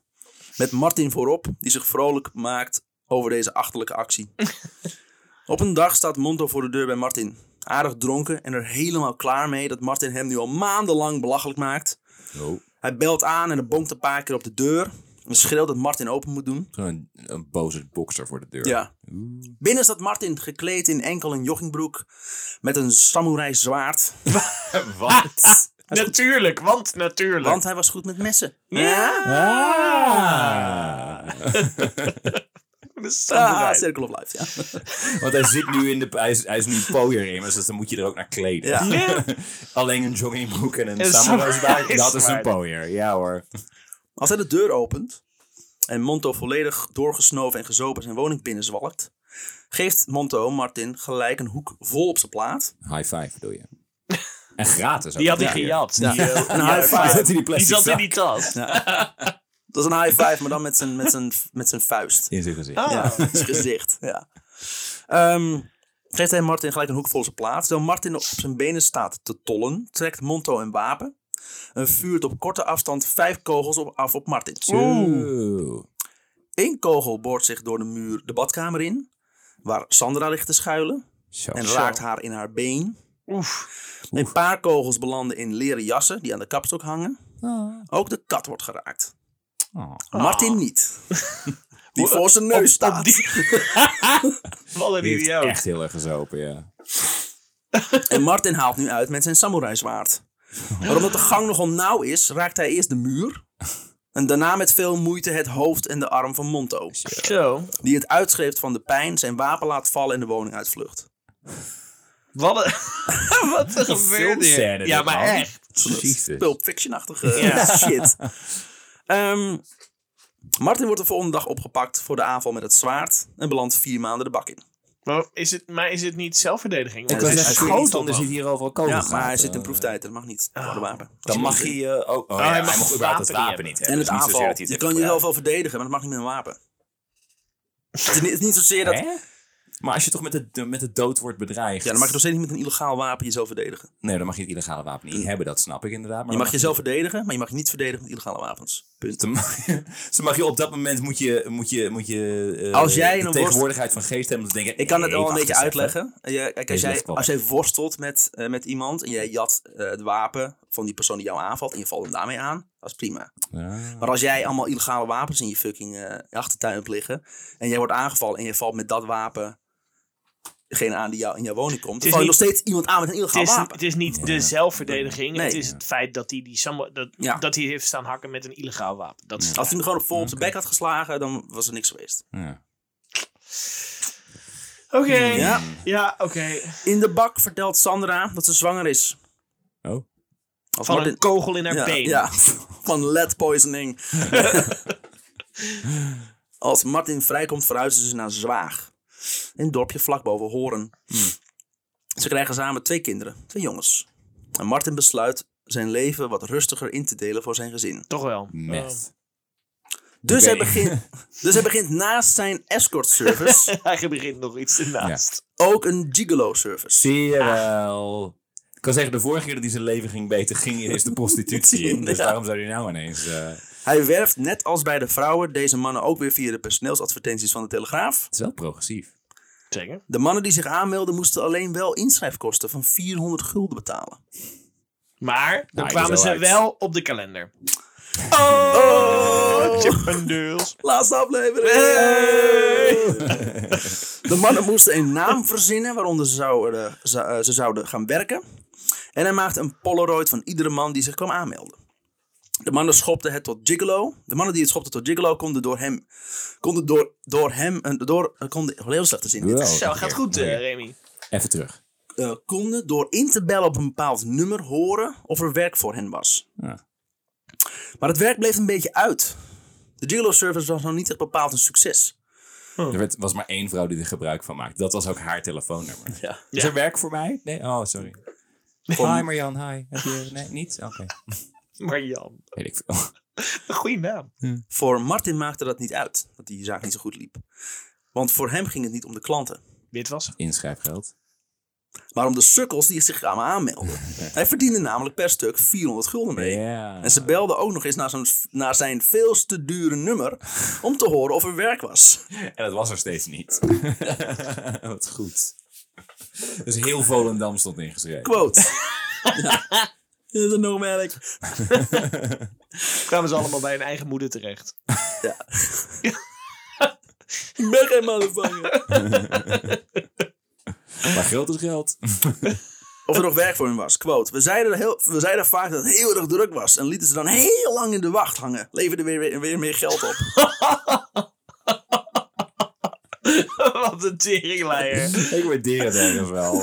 Van alles wat het tot nu toe heeft gedaan, is dit het, het, het, het minst onethische, Ja, ja. volgens mij. Nou, dat was ook in de 90s dus. Ehm, Callback. als, er een vrouw, als, er, als er al een vrouw belde voor seks, ging hij vaak zelf heen. Qu- Quote. Mag ik gratis neuken? En ik verdien er nog 200 gulden mee ook. Oh yeah. Hij heeft gewoon een vrouw met kind. Twee kinderen, hè? Dat is even, Ja, hey, zaken zijn zaken. Ja. Eh, in 1998 gaat eh, Martin helpen bij een bordeel. Vrienden van hem hebben Club Exclusief overgenomen van een tukker ergens in de Achterhoek. Maar ze kunnen maar moeilijk de 1000 gulden per huur per maand ophoesten. Ik, ik, ik hoop dat je bedoelt iemand uit Twente die toevallig in de Achterhoek woonde. Want Achterhoekers zijn geen tukkers. Nou, overgenomen van een tukker ergens in de Achterhoek. Zijn woorden. Oh, oké. Ja. Of het waar is, weet ik niet. Nou, dat kan. Eh, de tent loopt niet bepaald goed. Eh, Martin moet het aantal hoeren dat in het eh, bordeel eh, werkt opvijzelen. Op Hoe vijzelen. ik hoeren zeg. Ja. Ja, ik weet het. Ja. Ik zei er niks Nee, over. nee. Je hoorde me lachen. Ik hoorde je neus. Dat weet ik al. Het, eh, het bordeel zit eh, op de Amsterdamse straatweg 199 in Arnhem. En ziet, er arm, eh, ziet eruit als een armzalig krot. Het interieur van het bordeel, met maar liefst drie kamers en misschien vier hoeren, is armoedig. Overal staan grote felle lampen aan en liggen of staan dames verveeld kauwgom kauwend voor zich uit te staren. Dat is de wallen. Totdat de deur wel gaat. Dan verandert alles. Lampen uit, overal branden kaarsjes. Dames aan de bar, zacht muziekje aan. Ondanks het slechte interieur konden ze, zich wel, konden ze wel snel sfeer maken. Oké. Ze trokken ook één boek uit de boekenkast en ging Ja. de hele muur draaien dan Ja, om. klopt, ja. Helemaal sextoys ineens. Echt met van die nevels, met bedwelmende gassen. Ehm, klanten hadden bij binnenkomst nauwelijks iets door. En als ze argwanend reageerden op het lage aantal hoeren, vertelde Martin dat deze op escort waren. Slim. Ja, tuurlijk. Dat is ontzettend druk. Ja, deze klanten worden trouwens, als het even uitkwam, flink getild. Als ze het bad... Zeker Joop. Die moest flink getild worden. Had je vier hoeren niet genoeg. Nou, ze hebben het bordeel om Joop gebouwd. Dat was makkelijker. En als het koud dan braken ze het weer af. Zetten ze ergens neer. Als eh, de klanten het bad in wilden gaan, dan was deze eigenlijk maar gevuld met een klein laagje water. De rest was schuim. Dit was eigenlijk meer noodzaak. De boiler van het gebouw kon niet een heel bad vullen met warm water. Anders moesten ze met potten en pannen gekookt water heen en weer lopen. Dus als een arme ziel met twee dames à la 250 gulden in bad belandde, dan zat hij gewoon in een verzameling schuim. Maar hij trakteerde de dames wel ieder op een duur glas champagne. Een hele fles kostte maar liefst 350 gulden. Yep. Maar dat was waarschijnlijk kut champagne. De fles was dan misschien wel duur, wat erin zat niet. Het was gewoon appelsieder. Kosten inkoop, anderhalf gulden. Ja, Hey. tuurlijk. Ja, nogmaals, dit kan ik allemaal wel hebben. Met hoerenlopers er eraf zetten. Ja. ja. Hoewel Martin er alles aan doet om de tent goed te laten draaien, lukt het hem niet echt. Hij weet de tent dan ook eh, door te verkopen aan iemand in, uit Amsterdam. Hij krijgt er eh 10.000 gulden voor. Zo. De relatie tussen Sandra en Martin loopt stuk. Hoezo dan? Hoe dan? Waarom? Wat dan? Door zijn werk is Martin gewoon nooit thuis. Ja, En na een relatie van vijf jaar gaan de twee in 2001 uit elkaar. Sandra vindt al snel een nieuwe relatie met Mike Priem. Iemand die ze nog van vroeger uit eh Horen kent. Is Priem zijn achternaam of is dat Ja. eh, zijn naam in de criminaliteit? Nee, Want dat had ook gekund Het is namelijk. geen criminele jongen. Mike. Mike kwam net uit Duitsland, Duitsland, waar hij getrouwd was, maar inmiddels gescheiden. Toch een Duitser erin! Ja, ik heb weer een Duitser Yes! Hij was daar toer. Ja. Ja. Ehm, uit dat huwelijk had hij nog twee dochters. Martin zorgde na zijn breuk met Sandra er nog eh, voor dat, dat Sandra niets tekort kwam. En kon blijven leven zoals ze gewend was. Maar die hulp hield op toen eh, Mike in beeld kwam. Eh, Martin heeft verder niets tegen Mike. Maar hij gaat niet zijn ex in dienst nieuwe liefde onderhouden in het leven. Nee. Klinkt allemaal logisch. Sandra vindt dat echter minder tof. Ja. En zorgt ervoor dat Martin zijn kinderen minder ziet. Hmm. Ook zet ze de twee jongens op tegen hun vader. Hm. En op 23 juli Oh. 2001, Oh. de verjaardag van mijn vader, valt er Wat heeft hij ermee te maken? niks, maar eh, het is mooi, mooi om te linken aan deze nare, deze nare aflevering. Ehm, valt er op de deurmat van Martin een envelop. Het is van een, van een advocaat, Sandra's advocaat. Waarin wordt gesteld dat de omgangsregeling tussen Martin en zijn kinderen per direct wordt aangepast. De kinderen mogen niet meer naar Martin. Hmm. Martin heeft die scheid aan. En gaat gewoon zoals altijd zijn zootjes ophalen. Aangekomen bij de woning is de deur op slot. Hoe oud zijn die kinderen? Ja. Eh, ik denk eh 4, 5. Ik weet het. Ja, de jong- leeftijd van de kinderen nog, heb ik niet Ja. opgezocht. Want We gingen heel hard door de jaren negentig heen, dus ik weet niet. Ja, maar het was ergens eind jaren 90 denk ik Ja. dat ze, dat ze Ja. geboren ze gingen na vijf jaar uit Ah, elkaar. Het is nu 2001. Ja, dus dus- is- Ja. Vijf, vijf, zes misschien. Ja. Eh, hij komt aan bij de woning. Eh, de deur is op slot. Martin begint aan de deur te trekken. En begint eh, te schreeuwen dat ze de deur moet openmaken. Maar Sandra had de politie al gebeld. Want ze had al het gevoel dat Martin zich niet zou gaan houden aan de afspraak. Hmm. Maar, de het is politie- toch een redelijk eh, stabiele, betrouwbare kerel. Ja, dus, toch? Ja. Ja, maar eh, daarom komt de politie ook niet opdagen. Oké. Die zijn nog steeds Ehm, dankbaar voor, eh voor ja, die, voor Piet. Ja, voor Giesbergen. Ja, je doet maar gedaan, hè, jongen. Nee, Ja. die rozert. Ja, ook al was het wel de politie van Volendam, maar zitten we nu horen. Nog steeds. eh, Ja. het staat gewoon in het interne systeem. Gaat als een lopend vuurtje. Of is het gewoon dat ze zoiets hebben van eh, het, het, binnen de huwelijk, dat is ons allemaal ons probleem. Ze zijn elkaar, dat. dus geen binnenhuwelijk. Dit is ook weer zo, maar meer, meer zoiets heb van, pff, dat zoeken ze maar uit. Ja, ik weet het niet, maar ze kwamen hier gewoon niet opdagen. Ehm, dan, Als trekt, ware het een huisarts. dat, dan trekt Martin zijn wapen en schiet op de deur. Ah. Oeh, de waar zijn hoop- kinderen ook nog binnen zijn. In de hoop dat deze dan opeens wel open gaat. In films werkt dat immers. Ik ben een sloten maken. Eh, mijn wapen. En dan deur open. Of alles is weg, de hele deur is weg, behalve het slot is er nog. Het zweeft ook. Binnen denkt Mike. Misschien moet ik de deur gewoon open doen. Dat praat handiger. Oh, god. Hij haalt de deur van het slot en loopt weer terug de woonkamer in. Martin staat buiten en ne- en neemt een aanloop om zich vol tegen de deur te beuken, Oeh. die in één zwiep opendraait. dat, is, dat is ook een cartoon. dit. en Martin valt letterlijk met de deur in huis. Dit is een Pink Panther eh, moment inderdaad, ja. Als hij opstaat, ziet hij in een waas Mike op zich aflopen. Met in zijn ene hand een gsm. En in zijn andere hand, in de ene hand zijn gsm, waarin op dat, dat moment de politie aan het bellen is. Mm. En in de andere hand één schroevendraaier. Oh, Waar is er een sa samurai zwaard nodig hebt? ja. Martin bedenkt zich geen moment en schiet. vuurt twee kogels af. ja. En die raken Mike in zijn buik. Oh.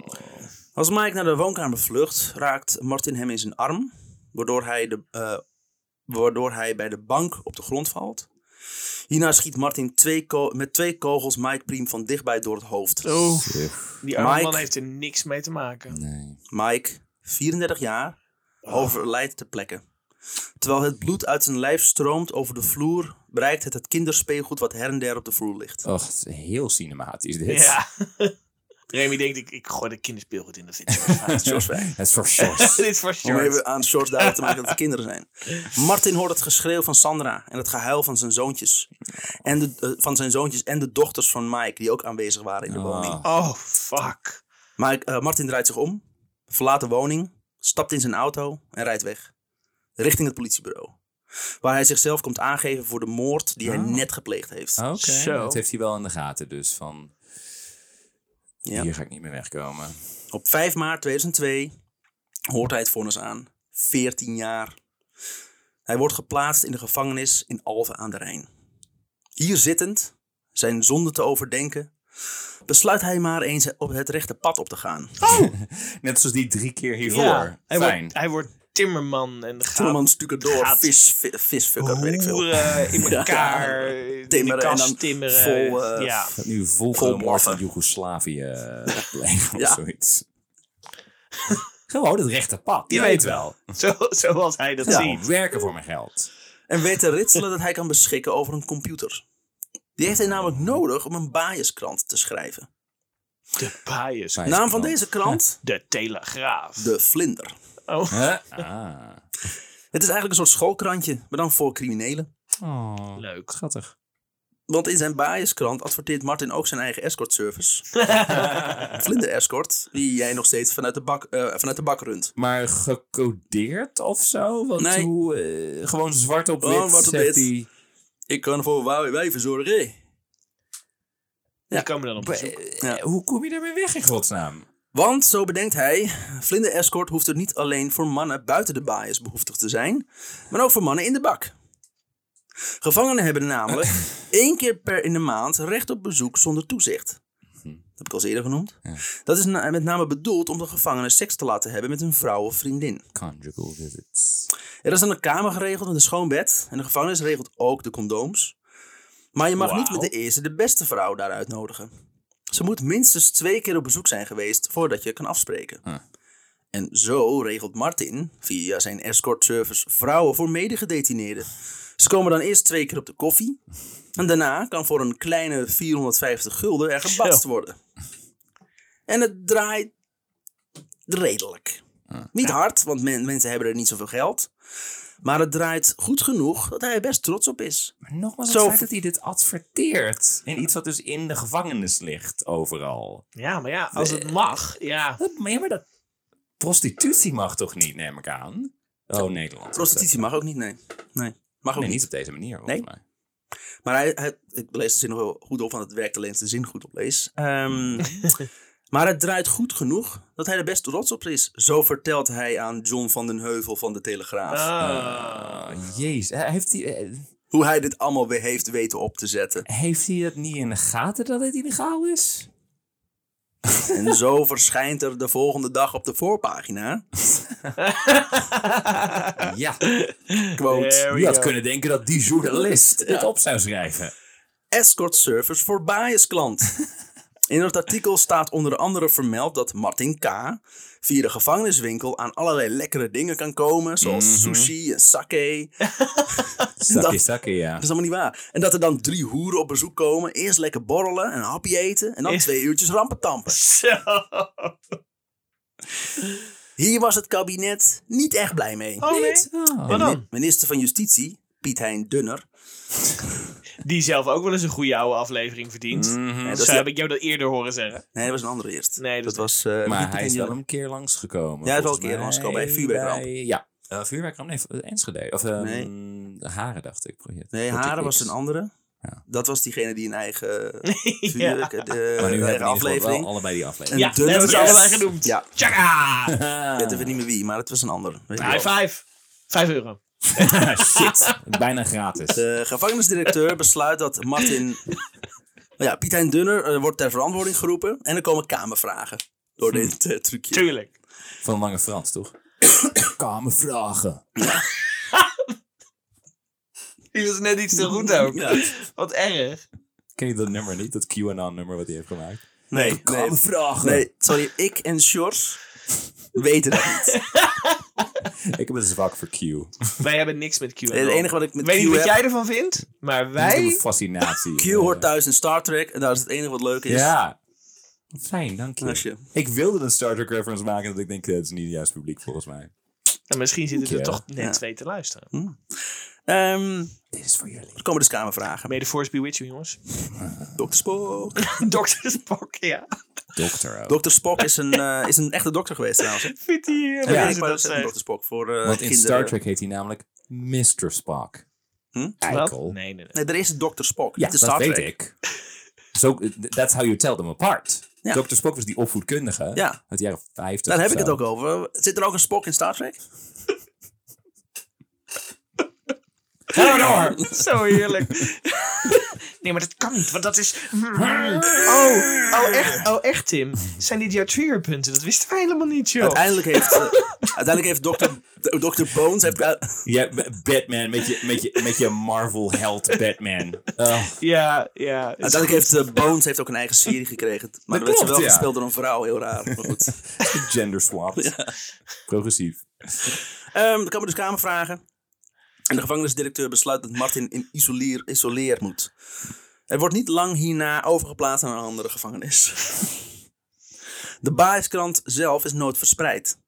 Oh. Nadat Martin met zijn gezicht op de voorpagina van de Telegraaf stond, zijn alle 399 exemplaren vernietigd. Het 400ste exemplaar had John van den Heuvel mee. Die zou eigenlijk een stukje schrijven over het krantje, maar kwam door het geklets van Martin op een veel beter verhaal. Een verhaal wat eigenlijk compleet door Martin was verzonnen. Ja, hij had wel een escort service en ja, hij probeerde dit te verkopen onder zijn Maar het medegedetineerden. was nog nooit gelukt. Maar eigenlijk was er nog nooit iemand langs Nee. geweest. Nee, ja, want die krant die was er überhaupt, die had dan niemand ook nog gelezen. überhaupt. Dus niemand wist dat het er was. Maar hij had de voorpagina bereikt. En er werden kamervragen gesteld. En dat vond Martin best kicken. Tuurlijk, want ego. Terwijl Martin in de bak zit, ontmoet hij weer een hoop andere criminelen. Elke met een eigen verhaal. Zoals Fred Ros, een oud FC Utrecht voetballer. Die vastzit voor het handelen in wapens. Vanuit het huis van Katja Schuurman. Oh, echt? Wat? Wat, wat gebeurt hier? Ik neem aan dat hij een, een soort van relatie met haar had. Niet, niet dat hij elke nacht inbrak, zeg maar, om dan daar wapens te handelen. Dat is weer neuken, zo, dat is vervelend. Ehm, Kom in Hij- adem. Godver, daar is het, daar is het. ja, ja, het komt zo langs in ze bed. Ja. We hebben nog een paar minuten. Eh, maar Fred Ros eh, handelt dus ha- wapens vanuit het huis van Katja Schuurman. Hij huurde dit van haar. Ehm, hij vertelde Martin dat hij ook betrokken was op de moord van Cor van Hout. No. Oké. Fred weet klaarblijkelijk niet dat Martin en Cor vrienden zijn. Waren. Eh, er zit ook een Erik S. Die na het ontvangen van een erfenis van een paar miljoen dit binnen een jaar of tien al weet te verbrassen. Als hij vervolgens geen hulp krijgt van zijn moeder, begint hij haar te stalken en te bedreigen.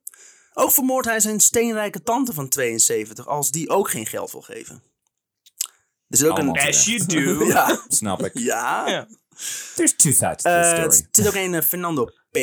Berucht van het bloedbad wat hij heeft aangericht in café In en Out te Rotterdam. De kroegbaas was zijn verjaardag aan het vieren. Toen er eh, vier mannen het café binnenkomen.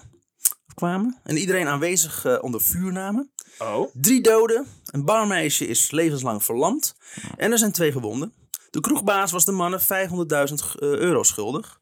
Eh, zij, eh, zo, ze gijzelden de mensen aanwezig, goten drank over de vastgebonden klanten en personeel, staken de boel in de hens en. Zo.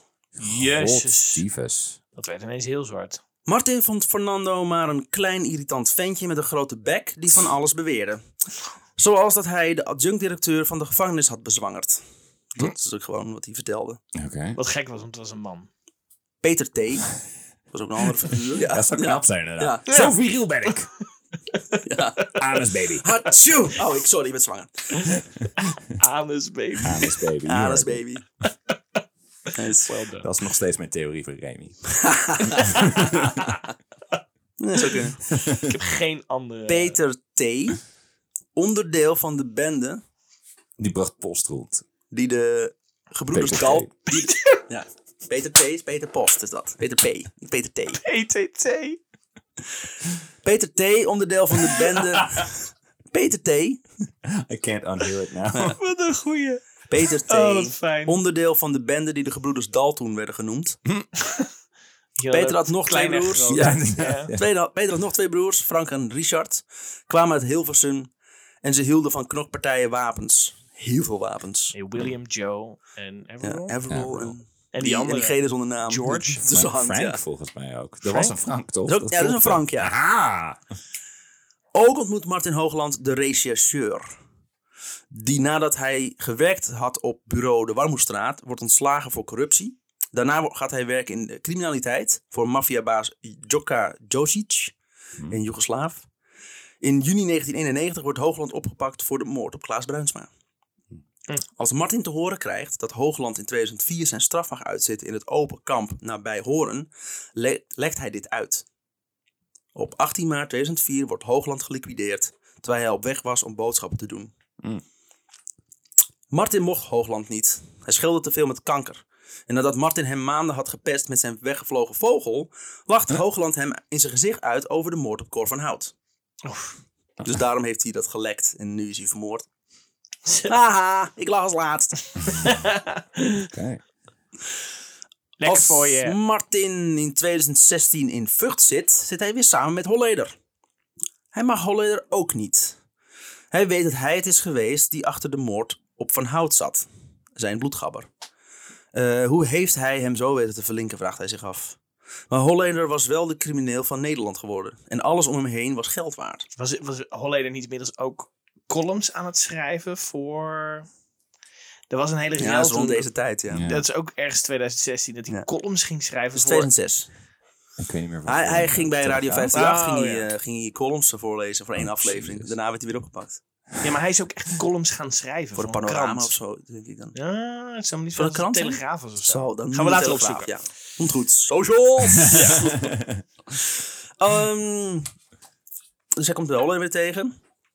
Ehm, maar Holleder was wel de crimineel van Nederland geworden. En alles om, om hem heen was geld waard. Dus Martin weet met een, met een naar binnen gesmokkeld fotocameraatje... een paar foto's te schieten van de neus. En stuurt deze naar John van den Heuvel. Samen met een mini-interview. Voor de publicatie van zijn foto krijgt Martin zo'n 300 euro per keer dat hij wordt gebruikt. Dus hij heeft de foto's gemaakt van Holleder in de bak. En elke keer als hij die foto's gebruikt, omdat ze dus een artikel hebben over Holleder, dan krijgt hij dus 300 euro. Bam. Nice. Een jaar later eh, haalt Martin het nieuws omdat hij eh, de foto van Holleder gebruikt bij een actie van TNT Post. TNT laat namelijk je eigen postzegels afdrukken. PTT. PTT weer. PTT, ja. De postzegels waarvan één, eh, waarvan één waar Holleder lacht en zijn duim opsteekt, Oh, stuurt was- hij naar de media. Het was de revue. Ah. oh, kut. Toch een blad. Ja. Oh, kut. Het is de Telegraaf onder de, of onder Ja. de tijdschriften. Ehm, eh, en weer er werden er kamervragen gesteld. Dit keer door Fred Teven. Hoe kan het dat de TNT hier aan mee heeft gewerkt? Die controleren, maar die controleren gewoon niet elke inzending. Het is gewoon een automatisch proces. Dus Ja. je hebt gewoon foto's ingestuurd van, eh, van Holleder. En kreeg een velletje met postzegeltjes terug. En die lul stuurde dan door naar John van de Heuvel. Ja. Ja, grapje. De velletjes met postzegels verkoopt Martin op het internet voor 10 euro. Holleder voelt zich vereerd. In, eh, in 2016 zit Martin ook nog even samen vast met de leden van de Hofstadgroep. Jezus. Dit is een groep vol radicale islamitische jongeren die verdacht worden van terroristische activiteiten. En deze pest hij door rond te lopen met een petje met daarop een Davidster. Waarom hij de jongens zo op stang jaagt is volgens Martin als volgt. Quote. Ik ben heel erg voor Israël. En je moet niet vergeten dat er via Vught duizenden Joden zijn afgevoerd in de Tweede Wereldoorlog. Toen ik daar zat, liepen er plotseling van die radicale moslims in soepjurken en baarden. sympa- Sympathisanten van Al-Qaeda die het liefst alle Joden over de klim jagen. Heb je het hier ook een beetje moeilijk mee? Want aan de ene kant fuck de Hofstadgroep natuurlijk. Maar aan de andere kant ook soepjurken en zo. dat je- Alles wat hij zegt is gewoon slecht. Alles wat hij zegt is kut. kut. Het is op alle fronten. eh, mm, oh, oh, oh, jee. Hij moest van de directie het petje afdoen en mocht deze ook niet meer dragen. De directie zei, hey, Petje, petje af. af. Petje af. En Godverdomme, mijn grapje had Ja. ja. Ettenbak. Hij begon eens met Ik hoor praten. hè. toch ook, man. Wanneer moet je eh, gaan leren? Hij trekt zijn bek open en dan is het... eh ah, het leuk zijn. hebben jullie volgens mij al een paar weken elke keer. Maar ik ben gewoon eerder. En dan hoor ik hem... Miauw! Dat laten we bij kapitein Ortega. Ehm, oh, callback! Dat Uh, is dat is eerder. aflevering. Gewoon noemen die mooi inpakken. Ehm, ook wordt hij niet lang hierna overgeplaatst naar een andere gevangenis. Martin had zich namelijk bekeerd tot het jodendom. Oh, echt? Vanwege het eten. Vanwege het eten? Wat? Omdat dat kosher moest zijn, mocht hij zelf vers eten uitkiezen. In plaats van dat hij gevangenisvoer kreeg. Zeg maar om alle juiste redenen Joods worden. Ik, Ja. ja. ik ken mensen die dat, die dat op vluchten doen. Inderdaad, die dat in het vliegtuig Oh, echt, ja? halal of, of Dan krijg je namelijk eerder je eten. Ja, Dat doen ze eerst en daarna doen ze iedereen, eh, alle andere mensen. Ah, mensen zijn zo kut. dit is een lifehack van Tim. eh. Ja. Ja. Ik heb het zelf nooit gedaan, maar ik vond het wel een goeie. Ik- Ah. Ah, mooi, mooi, mooi, mooi, mooi. Ehm, in 2011 komt Martin vrij. Hij gaat werken voor een maat van hem. Die stuurt hem langs bij Menno W., een oud Ajaxiet en inmiddels drankhandelaar. Menno is de beste man wat geld verschuldigd. Dus Martin haalt samen met twee boomstammen van mannen voor 70.000 euro aan drank op uit de loods, waar een bevende vader van Menno toekijkt. Hij zegt tegen de vader van Menno dat eh, Menno maar contact met hem moet opnemen als hij zijn waren terug wil. En dat het hem zo'n 70.000 euro gaat kosten. Martin geeft tussendoor nog een groot feest voor eh, vrienden en familie dat hij weer op vrije voeten is. En vijf dagen later spreekt hij af met Menno in het Hilton. En op het moment dat Martin Menno een lijst overhandigt met daarop de dranken die niet betaald zijn, wordt Martin aangehouden voor- door de politie voor afpersing, bedreiging en diefstal. en verdwijnt weer voor 18 maanden de cel in. Eh, ja, want het was nog nauwelijks het zijn proeftijd natuurlijk. Ja, was wat, wat een dag vrij of zo. Dat was een dag vrij. Ja. Ik blijf op het rechte pad. Afpersing. dat ga Dat doen. lijstje af. Hij gaat wel steeds iets nieuws doen inderdaad. Ja. Het is wel een soort van renaissance crimineel. Dat is van alle markten In ehm, februari 2015, kom maar dichterbij. Als Martin weer alweer een tijdje op vrije voet is, lijkt, eh, lijkt Martin het wel leuk als hij eh, gaat schrijven over de misdaad. Dat hij niet kan schrijven en altijd een nul voorspelling heeft gehad, houdt hem niet tegen. Hij Nee, weet, als hij echt zijn best deed in één. Precies. Ja, hij gaat schrijven over de misdaad. Hij weet hier Welke? als eh, ex-crimineel immers het meest van. Anders dan de meeste journalisten beschikt hij over een groot netwerk van bias, klanten en boeven. En een website maken is zo gepiept. Vlinderscrime.nl Vlinders. Toch weer steeds weer die vlinders. Omdat hij een keer een film heeft gezien. Ja. Op eh, 4 februari verschijnt zijn eerste artikel. Nou, blij dat hij Toy Story niet heeft gezien. Het gaat over de dood van Ron, eh ja, een onder de Noor, Ron Nyquist. Of Nickvist. Ik weet het niet. Iets Noors. Eh, het stuk zit vol taalfout en kromme zinnen. Ook schrijft hij gewoon de volledige naam van de verdachte. Martin doet niet aan initialen. Gewoon. Maar dat schrijft hij wel goed. Ja.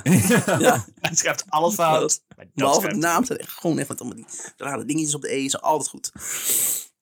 Eh, Martin plaatst op Flintsky niet alleen artikelen, maar ook gewoon wat hij die dag aan het doen is. Zo, zo, staat, er, zo staat er ook een stukje. Nu in de subway. Ja. Broodje eten. Hey. Hij is de, de, de, de, is de, de Twitter onder de boeken. Is Ja. dit. Ja. Zo staat er een stukje. Vijf uur 's ochtends. Jullie misdaadverslagger heeft te veel gezopen en komt net thuis. Vandaar dat de misdaad maar even moet wachten. Morgenmiddag nieuwe verhalen, vers van de pers en dan laat je nieuwtje, laatste nieuwtjes. Jezus. Weet- Snapt hij hoe boeken werken? En Martin plaatst alles. Ongecensureerd. Oh, zonder het is geen boek, het is een, een blog. Het is een blog, ja. Ja. Website, vlinderscrime.nl. Hij heeft zijn boek, hij heeft precies. boek heeft hij vlinders, vlinderscrime eh, klein genoemd, ja. Heb jij moeite met het woord Ja, vlinderscrime? ik, Crime? Een. Klin- klinder, vlinder. Klinderscrime. Klin- Klinder, vlinderscrime. Klimst- ja. Ja. Vlinderscrime.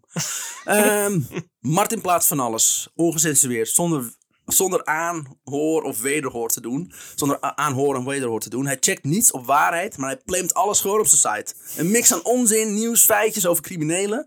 Dat hij af en toe het mis heeft, vindt hij niet erg. Dan verwijt hij het gewoon weer van het internet. Zo gepiept. Dus hij heeft het... eh, Want als je iets op het internet zet, kan je het zo Ja, weghalen. weghalen, ja. Hij heeft dezelfde work ethic als de Telegraaf, zeg maar. Ja, daar is het van geleerd. Soms klopt het, soms niet. Ja, Ah, ja. maakt niet uit. Ehm, privacy vindt hij niet belangrijk. Dit geldt eh, voor zowel verdachten als slachtoffers. Hij plaatst uitermate gruwelijke en pijnlijke foto's op het internet. Oh. Zoals een vrouw die in Hoofddorp is doodgeschoten door haar ex-vriend. Ze ligt, in, eh, ze ligt op straat, banend in het bloed. Maar ook foto's van een dode Mike Priem, liggend in zijn woonkamer. Oef. Oh, zo. Die hij zelf heeft neergeschoten. Al, ja, als Martin de vraag krijgt waarom hij dit in godsnaam doet, antwoordt hij, quote, dit is wat misdaad is. Dit is wat mensen willen zien. En daardoor, daarvoor komen mensen naar Vlinderscrime. Ja, ik moet hem wel een soort van gelijk. Ja. Ik, ik heb de fascinatie met true crime namelijk nooit zo begrepen. Dus ik heb zoiets van, hé, hey, als jij true crime wil zien, hier zijn fucking gruwelijke foto's. Vind je dit dan, is dit, is, is dit dan wat je wil? Is dit wat Het je gaat niet om de, wat de kijker wil zien. Het gaat om de privacy van de Ja, dat sowieso. Ja. Dat is het. Ja, dat kan echt niet. Ehm, Fucking hell. en op een of andere manier werkt het. De site is binnen no time mega populair. En zo wordt Martin ook uitgenodigd om bij de serieuze praatprogramma's te komen zitten. Nou, want dat kan alleen maar Want dat doen. Nederlanders namelijk Ja. altijd. Waaronder bij Jeroen Pauw. Die, een uitzending, eh, die uitzending gaat over Holleder. Die na de onthullingen van zijn zus Astrid niet meer de Nederlands knuffel, knuffelcrimineel is. Martin zit aan tafel en lacht een beetje en zegt, quote... Holleder is een huilenbalk. Hij kan niet goed tegen zitten. Daarna roept hij vol in de camera... Hé hey, neusie, nooit meer naar huis. Terwijl hij met zijn handen het gebaar van een lange neus maakt. Zo. Hoe lang is Martin nu dood? ja. Neusie. Wat Zo. binnen huis. Zo. Hoe oud is hij sowieso? Even een beetje tijdsbeeld. Ongeveer nu. Dat is hij. Eh, ik denk dat hij tegen de 50 aan is. Ja. nu. Tegen nog niet eens 50. Hij was Zo. geboren in de jaren 50, toch? We zitten nu 2015, Twee- 16, 1967 volgens mij. 67. Ja, oké. Oh ja, ja. Ehm, in 2012 had hij Holleder ook al een keer belachelijk gemaakt. Door in een interview te beweren dat Holleder een homo is. Quote. Holleder is qua persoonlijkheid vergeleken met Cor een enorme homo. Die ze in de pers omhoog hebben geschreven. Hij schrijft in, op Flinders Crime steeds, eh, als het over Holleder gaat, Willem de Kneus of Willem de Homo. Dat Willem een relatie heeft met, een, met zijn huidarts. Dat eh, Martin het vreemd vindt dat eh, Willem nooit bij Vlinder Escort is geweest. Ja, daar baseert hij dat, alles eh, op. Hij wil mij op huren. Dus Bewijs. Ja. Het is al, als zo'n dude die inderdaad van... eh nou, is het helemaal geen interesse in me, dus eh, lesbo. Ja. Ja. Lesbo. Sowieso. lesbo. Ja. Ik heb nog gezegd, hé hey, meisje, ze kijken helemaal niet meer om. Ja, lesbo. Zo lesbo. Ja, eerst ik raakte eraan, kreeg ik een in mijn gezicht. Lesbo. Nee, anders. Hij laat ook een straatnaambord maken. Waarop staat Willem Hollederpad. En met kleine letters eronder staat alias de kneus. www.vlinderscrime.nl En dit bord hangt hij, op bij, ha- hangt hij op in de Oeverland. Een homo-ontmoetingsplaats in Amsterdam-Sloot. Hij is wel, eh, hij is niet bang voor Nee, maar ik heb het idee, hij, hij probeert heel erg volgens mij ook mee te liften op de roem van Willem Holleder, denk ik, of niet? Maar hij heeft gewoon over scheid aan. Hij Ja, is niet bang weet voor ik. hem, hij kent hem uit de bak.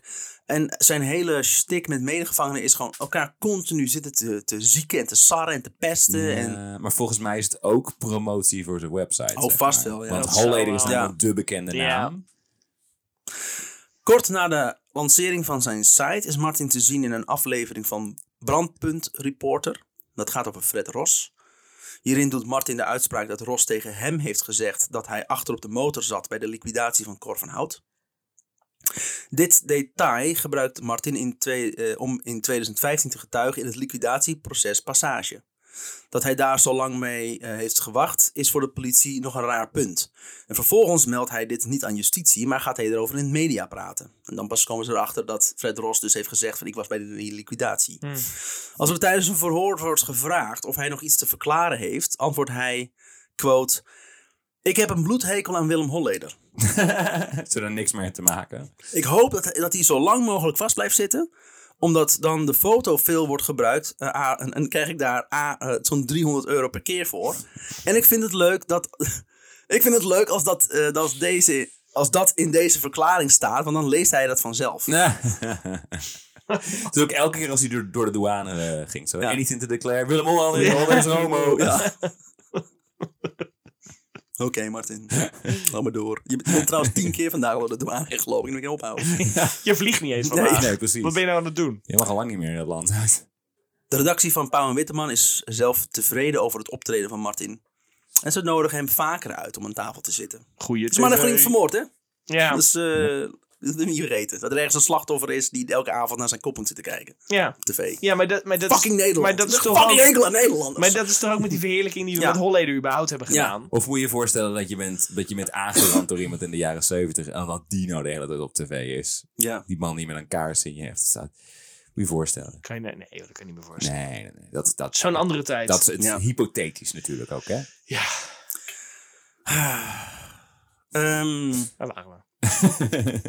daar was ik. Ja, hij mag dus vaak aan tafel komen zitten en zijn site blijft doorgroeien.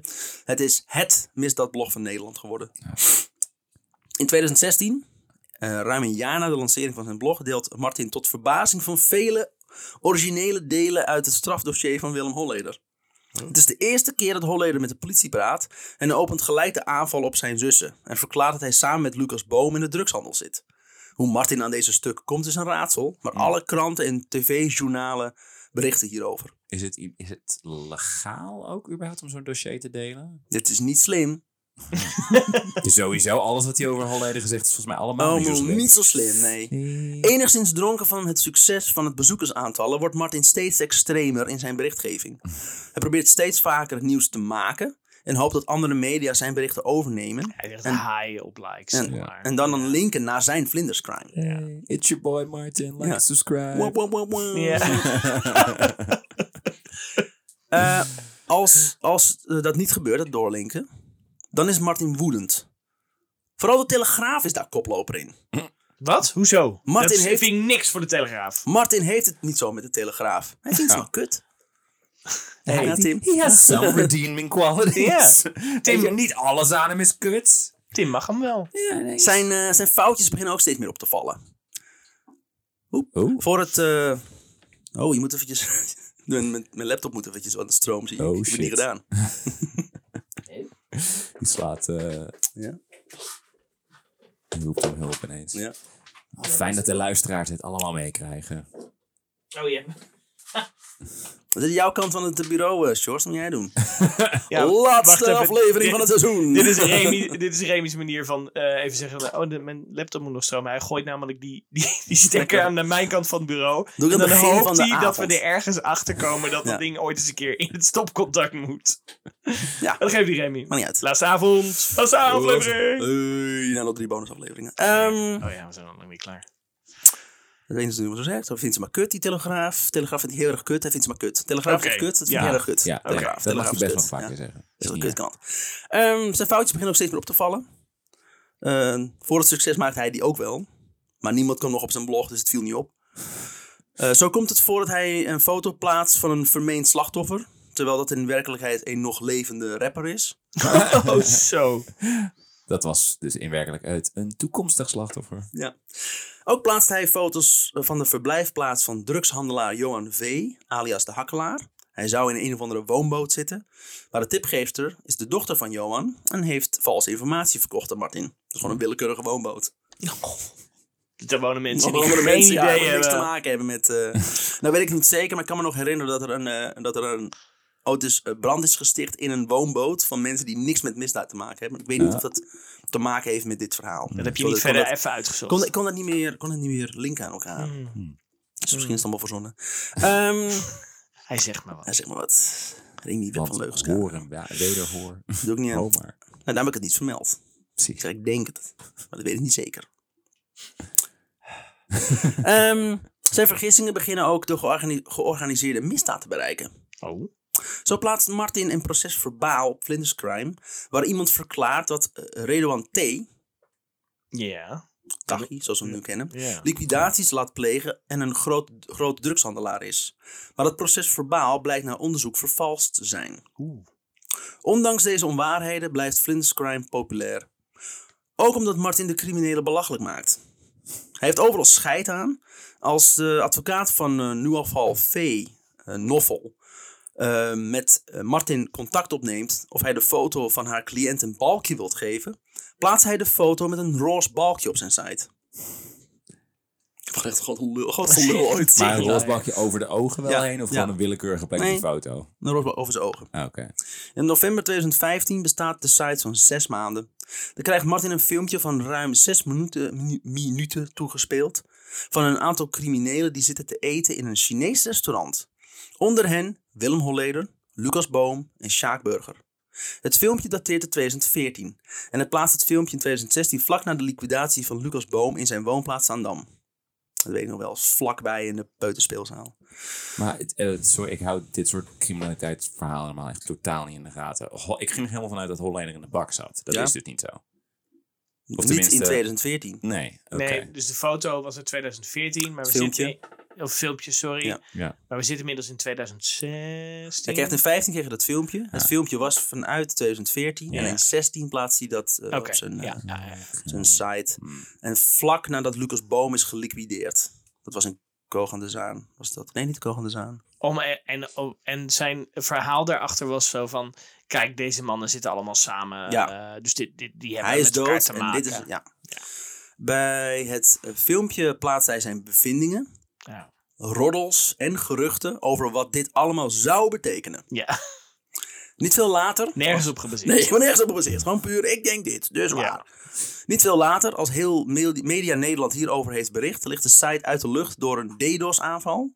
En wordt het huis van Martin in Amsterdam en zijn auto beschoten. Wacht even hoor, ik, ik ben geen computer nerd. DDoS is een virus? Nee, DDoS is een aanval eh, waar, waardoor je... eh, kijk, als jij naar een website gaat, dan maak je een connectie. Ja. En een DDoS is dat je in een hele korte tijd heel veel computers Ja, connectie laat maken. Oh. En dan flikkert die site eruit. Ah, Oké. En dat gebeurt ook vaak met banken en dat soort, dat soort onzin. Dus het is een soort van... Het is denial of service. Want ze kunnen je geen service geven omdat, je, omdat er heel veel connecties komen. En Oké, dan- maar dat is niet zozeer omdat een heleboel hackers samenwerken. Dat is gewoon een of ander computerprogramma maakt heel vaak. Je kan een programmaatje downloaden en dan kan ik een DDoS-aanval uitvoeren. Oh, is dat zo makkelijk? Ja. Ah, oké.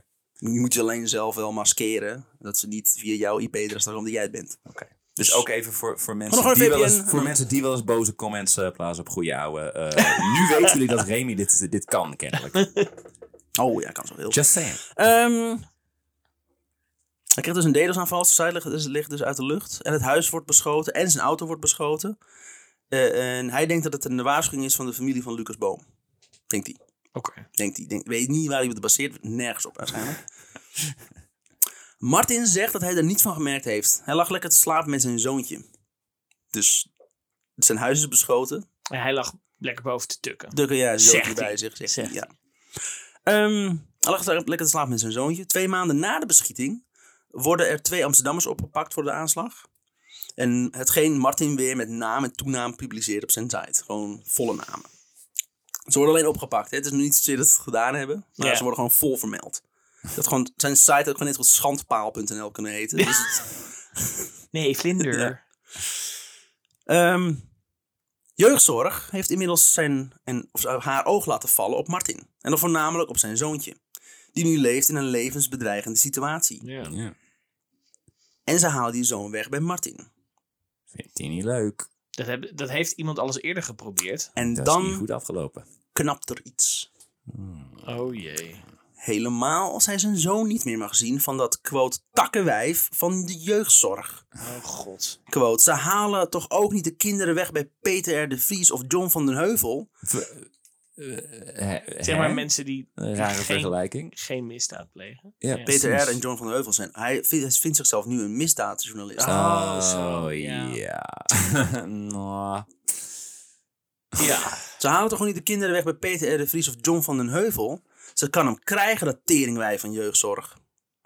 Martin is buiten zinnen. En hij heeft maar één doel voor ogen. Wraak op de gezinsmanager van jeugdzorg. Oh, die zijn God. zoon heeft afgepakt. Ja, wacht even, want zijn argument is natuurlijk van... ik word alleen maar bedreigd vanwege mijn quote-unquote Journalistiek. journalistiek. Ik word gecanceld. Eh, ja, oké. Oké. Ik ben Ja. het niet met hem eens, maar ik snap de reden. Ik ben ook niet met hem eens, maar... Ik snap het. Wraak op de ge- gezinsmanager van jeugdzorg, die zijn zoon heeft afgepakt. En wraak op de nabestaanden van Lucas Boom. Hij looft een beloning voor 500 euro op Flinters Crime. Voor eh, wie voor hem het adres van, de, van dat teringwijf van jeugdzorg kan regelen. Zo. Hij plaatst daarbij ook een foto van de vrouw. Quote, je maakt mijn leven tot een hel, dan doe ik dat ook bij haar. Wacht maar tot mijn TBS-vriendjes haar gaan bellen. Zo. Ook looft hij een beloning uit voor de naam en het adres van degene die zijn huis heeft beschoten. Hier heeft hij 10.000 eh, euro voor over. Oké, maar op deze website waar heel veel mensen Ja. naar kijken. Ja, Oké, heel publiekelijk. dus. heel publiekelijk. Ja. Ja. Ja. Handig. Fijn hè? Handig. Slim. Enkele uren na de uitgeloofde beloningen haalt het hostingsbedrijf Vlinders Crime uit de lucht. Ja, ja. Uren hè? Ja, het heeft al heel, Heel veel mensen lang, ja. gezien. Ja. Moeten we die... eh, ja, maar ik eh, ga lunchen. Dan na Ja. lunch zal ik hier zijn. ja, maar wanneer hadden zij het door dat dat gebeurt? Want Ik kan Ja, me voorstellen nou, dat zo'n hostingsbedrijf niet alles... Ik denk dat het heel snel is. Maar dat ze zich gaan afvragen, gaan we dit doen? Want hij, er komen wel heel veel users naar deze site. Dus ze verdienen goed aan hem. Ja, jij gaat, jij gaat zeg maar de duistere kant op. Wij zijn iets, iets optimistischer als Nou ja. misschien hebben ze het later door. Ja, ik, ik, ik, ik heb er ook nul verstand van hoe dit soort bedrijven werken. Ja. Dus ik bedoel, ik, ik gok dat Remy daar iets meer van weet dan wij. Maar ik zou ook denken van, ja, ze, ze lezen toch niet alle informatie die Nee, minder via dan- hun... eh, Nou ja, op elke site kun je erachter komen wie, de, wie het host. Dat meestal is onderaan ergens. En je kan ook contact opnemen met de webmaster. eh, van een site om aan te geven wat hier staat. Klopt, eh, dat is Ja, niet kies. precies. Dus ik weet zeker dat binnen no time ze zijn contact van... hé, hey, dit kan echt niet. En dat ze gewoon gewacht hebben van... oké, is het nou één persoon of komen er meer? Dan gaan wij uiteindelijk hier slechte publiciteit halen. Nogmaals, ik weet het niet. Ik Baseer het alleen maar op, eh, op speculaas. Allegedly. Maar goed. Goed. Jeugdzorg overweegt aangifte te doen tegen Martin, maar doet het uiteindelijk niet. De medewerkster van jeugdzorg, eh, zwaar geschokt door de bedreigingen, heeft politiebescherming gekregen. En Kort daarna neemt ze ontslag. Ja, omdat het bedrijf waar ze voor werkt, de instantie waar ze voor werkt, het er kennelijk geen reet kan schelen. Wat bizar dat ze daar geen, geen zaak van maken. Kon zij niet persoonlijk dan? Ach ja, emotie. Ik denk dat je bij een man als Martin denkt, weet je, ik doe gewoon niks. Ik, Ik ben gewoon bang. ik ben gewoon Ja. bang. Ja. Ja. Jij, jij laat je niet tegenhouden door Nee. justitie of strafmaat, wat dan ook. Dus, en iedereen weet dat die mensen heeft vermoord. Yep. Ja, en als individu kan ik me daar nog iets bij voorstellen. Maar als jeugdzorg zijnde, dan moet je toch ook als signaal naar al je andere werknemers. Zo van, hey, mocht er zoiets Ja, maar dit is een gebeuren, wij staan er. Ja, klopt. voor je. Maar eh, ik denk dat jeugdzorg zelf geen aangifte kan doen. Want het is een bedreiging tegen een persoon en niet tegen jeugdzorg. Nee, Oké. ja. Dus jeugdzorg doet geen aangifte en Nee. die vrouw ook niet. Martin koelt enigszins af na een paar dagen. En verwijdert de artikelen en de beloningen van zijn site. Spijt heeft hij niet. Nou, heeft hij ooit ergens spijt van gekregen? Gewoon lekker bang gemaakt. Quote. Het vertrouwen in jeugdzorg is weg. Dus 0% en de haat is groot. Maar ik heb geen andere keus dan het toch een kans geven. Terwijl ik het nu, al- nu al somber inzie. Want van de maffia win je het niet. Ze willen Oh. allemaal een schaap van me hij kan het maken. weten. Ze willen allemaal een schaap van me maken, maar dat gaat ze nooit lukken. De straf is je kind één keer in de drie weken maar zien. En je doet, eh, je doet maar alles wat hun willen, dat, wat, dat- wat, zij, wat jij wil doen. Oké. Ja. Zogenaamd in het belang van mijn zoontje een uurtje zien. Tegen Wil, eh, terwijl Willem Holleder elke week bezoek heeft. Om die er weer bij halen. Ja. Waarom? Het is zo Met zijn neus. Ja. Het bizarre is, want hij heeft dus met hem in de cel gezeten. En toen zei hij al van, oh ja, Holleder, die moest hij niet en zo. Ja. Maar eh, toen heeft hij volgens mij nauwelijks last Ja, maar het is wat jij dan zegt, het is ook dat basje Ja. om, om zelfpromotie Voor te maken. aandacht. Dat denk ik wel. is voor de gewoon aandacht. publiciteit, ja. Ehm, zijn andere kinderen ziet hij ook niet meer. Omdat hij in 2011 het contactverbod met Sandra heeft verbroken en haar chanteerde. Hierdoor verdween hij ook weer voor vier maanden in de cel. Dus nog voor de moord. Nee, niet na. Het was na de moord. Is gewoon weer naar Sandra toe gegaan. Het is moeilijk bijhouden met die vent wanneer Ja. hij allemaal wel en niet in de cel zit en waarvoor. 2 juli 2016. Na een avondje stappen met zijn goede vriend Yassine vindt eh, Martin een bom onder zijn auto. Martin staat inmiddels. Ja. Ja. Martin staat inmiddels op verschillende dodenlijsten. Ehm, het is niet goed bij te houden welke, want hij heeft zo'n beetje ruzie met heel crimineel Nederland. Ja. Terwijl hij amper op zijn benen kan staan, want hij is super dronken, wordt hij geïnterviewd door AT5. Eh, dat linkje moeten we verplaatsen op de social. Het is een fantastisch interview. Hij heeft het over een bommeroni onder zijn auto. Er is een bommeroni onder mijn auto. Plucht een paar keer zijn site Vlinderscrime. En roept dan dat het helemaal niets doet. En dat hij lekker gaat hoeren en snoeren vanavond. Wat is snoeren? Ik weet het niet. Dat weet ik allemaal niet. Iets met hoeren. Ja. Een paar dagen later hoort hij dat zijn vriend, vriend Yassine is opgepakt. En hij degene is geweest die die bom onder zijn auto heeft geplaatst. Zo. Daar schrikt hij wel van. Maar het verbaast hem ook weer niet. Vriendschap onder criminelen bestaat niet. Hij blijft stug doorgaan met Vlinderscrime. Hij vergelijkt zich inmiddels als een oorlogsfotograaf. en... ja, die, Waarom die- heb ik nog geen Nobelprijs? Een Pulitzer. en heeft als motto: Het leven is geen wedstrijd in wie het oudst wordt. Oké. Oké. Ja, niet in het criminele, criminele circuit. Nee. Hij vindt dat hij zijn leven gebeterd heeft en dat hij geen crimineel, criminele zaken meer doet. Ook wil hij er voor zijn zoontje zijn. Op 8 december zitten verschillende misdaadjournalisten in het restaurant The Harbor Club in Harbor Club Kitchen. Ze zijn uitgenodigd door Martin. Hij is van mening dat de journalisten een bond moeten oprichten voor de misdaadjournalistiek. Zodat ze afspraken kunnen maken over advertentiekosten. Doet het boeit hem ook helemaal niet over het verslaan van misdaad. Nee, geld. En hij is Geld en aandacht. Ja. Hij is gewoon, hij, hij ziet zichzelf daar ook gewoon helemaal tussen zitten. Ja. Zeg maar, ik hoor daarbij. Iedereen... Ja, en hij ziet zichzelf waarschijnlijk als legitiemer ook nog een keer. Want Ja. ik, ik heb er echt verstand van. Ja, ik heb de echte andere, connecties. eh, die Peter de Vries heeft nooit in de bak gezeten. Doe maar wat van die schijnjournalisten. Iedereen zit er nogal ongemakkelijk. Want het is inmiddels duidelijk dat Martin zo'n beetje op elke dodenlijst staat die je kan bedenken. Zit je daar met hem aan tafel? Ja. Ja, ik eh, ga niet. eh, Ik, Ja, ik al eet die helemaal niks. hoor, Ik eet al- helemaal niks. Al die misdaadjournalisten ook nog eens. Ga jij maar naast hem zitten? Nee, nee, nee. nee, nee. Oh, jij was eerst. Nee. Ondertussen zit Martin lekker te eten. En maakt, maakt zelf continu grappen over de dood. Na de lunch neemt hij van iedereen afscheid. En zegt dat hij die avond met een stel adverteerders even langs zijn favoriete bordeel gaat. Hij heeft, eh, hij heeft afgesproken met Chris Hughes. Scotty. Star Trek Club. Scotty verkoopt eh, veilige telefoons die niet te traceren zijn. En hij wil deze op zijn site eh, adverteren op uh, Flinders Crime. Hij verkoopt dus gewoon criminele telefoons. Ja. Eigenlijk. Nee, maar hij is niet crimineel. Nee, hij is een, Ik hij is, adverteer alleen voor criminele Ja, middelen. precies. Ja. Faciliteer alleen. Ja. hij is verslaggever. Kom jongens. Ja. Dus die Chris Hughes wil eh, die foto's, of die, sorry, die telefoons op de site Flinders Crime adverteren. En na een avondje rampen tampen, als Martin voldaan terug naar zijn auto loopt, komt er een man uit de bosjes en opent het vuur op de auto van Martin. Hij overlijdt ter plekke. Kijk, Hij is 50 jaar oud. ik dacht al van dit gaat... Kan nooit lang duren. Ja. Maar we zaten wel redelijk dicht bij nu. Dus ik dacht... Ja. steeds, Ja. Chris Scotty Hughes wordt uiteindelijk voor de moord opgepakt. Oh, Dat is de man die dus de de burnerphones. ja, Burnophones wilde adverteren. De moord was een gunst voor een groep Marokkaanse criminelen. Die groep zou bekend staan als de, de Rockies. Martin en Chris spraken eerder op die dag al af in het Citizen M Hotel in Amsterdam. Nou, aanvankelijk was het, het, plan dat, eh, was het plan de blogger dood te schieten buiten het hotel, het hotel maar het vuurwapen weigerde dienst. Martin zelf merkte niks van deze moordpoging, bleek uit beelden van de bewakingscamera. Maar het was wel te zien op de bewakingscamera. Zoiets denk ik.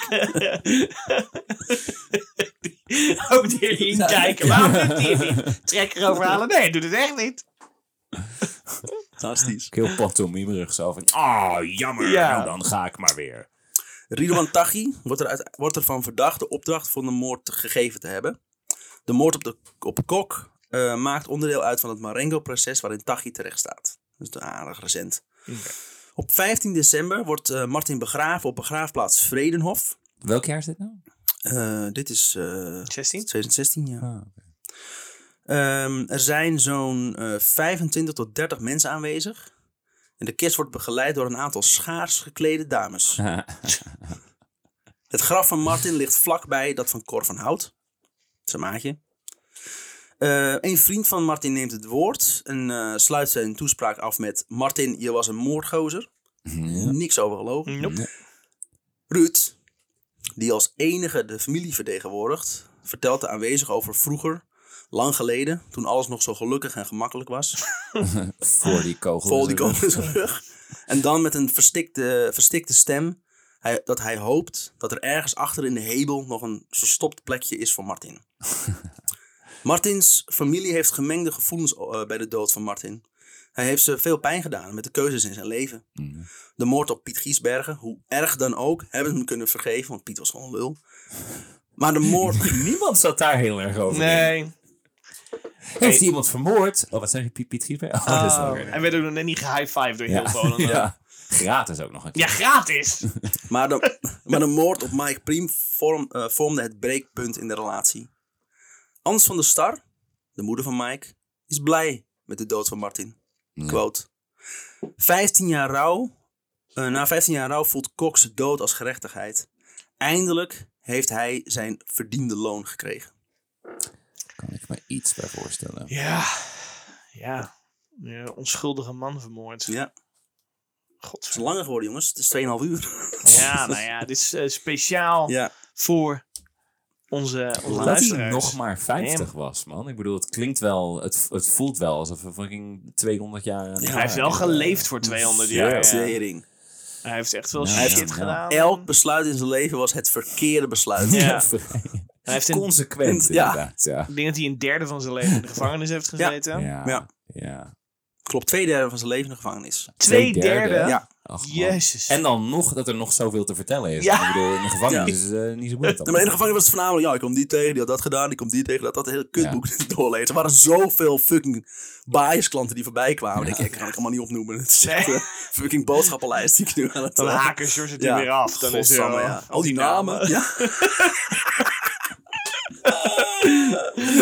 Oh, jezus. Nou, wat een, eh Wat een knallend een, einde. hè? misdaadverhaal Ja. als einde. Ja. Maar deze man is dus ook gewoon weer een fucking moordenaar. En, Ja, eh, en gewoon weer eh, eh, vindt zijn platform naar, naar, naar mainstream Nederland. Ja. Ja. En wordt gewoon weer uitgenodigd in praatprogramma. Ik kan er niet bij met mijn hoofd. Want het klinkt echt als de, de dingen die je, die je oplas uit zijn, uit zijn blog. Het klinkt alsof het echt tyfus slecht geschreven was. Het was allemaal. slecht, ja. Was ook nog, Hij een, wist dan wel dingen. Maar... er was nog een heel stuk over die moord. Hmm. Ehm, nou, er was ook een allemaal spel, zinnen waar gewoon geen interpunctie in zat. en ook met naam en toenaam. En ook het slachtoffer ook weer belachelijk maken. Ja. Ja, ik wou, ik wou Hij was, zeggen, dat hij was gewoon zijn mening aangegeven. ja. ik wou zeggen, dat heeft hij best lang volgehouden. Ja. Maar zes maanden, dus ook niet, natuurlijk niet zo heel lang. Hij heeft eh, eh, de site anderhalf jaar tot een jaar gehad. Ja, tot anderhalf jaar. Oh, Toen werd hij eh, geliquideerd. Ja. Hij was continu op zoek naar de, de high van... eh, ik ben de eerste die de, die de misdaad verslaat. Hmm. En dan heb ik gewoon geen tijd om de details goed te checken... of het wel of niet klopt. Nee, je moet gewoon moet gewoon zo snel de mogelijk. eerste zijn. Ja, want dan eh, word ik namelijk Ja. genoemd in eh, En uiteindelijk heeft de misdaad hem ingehaald. Hmm. Wauw. Hey, zullen we ehm, voor de allerlaatste keer dit seizoen... met z'n drieën Mhm. nog even... De De... huishoudelijke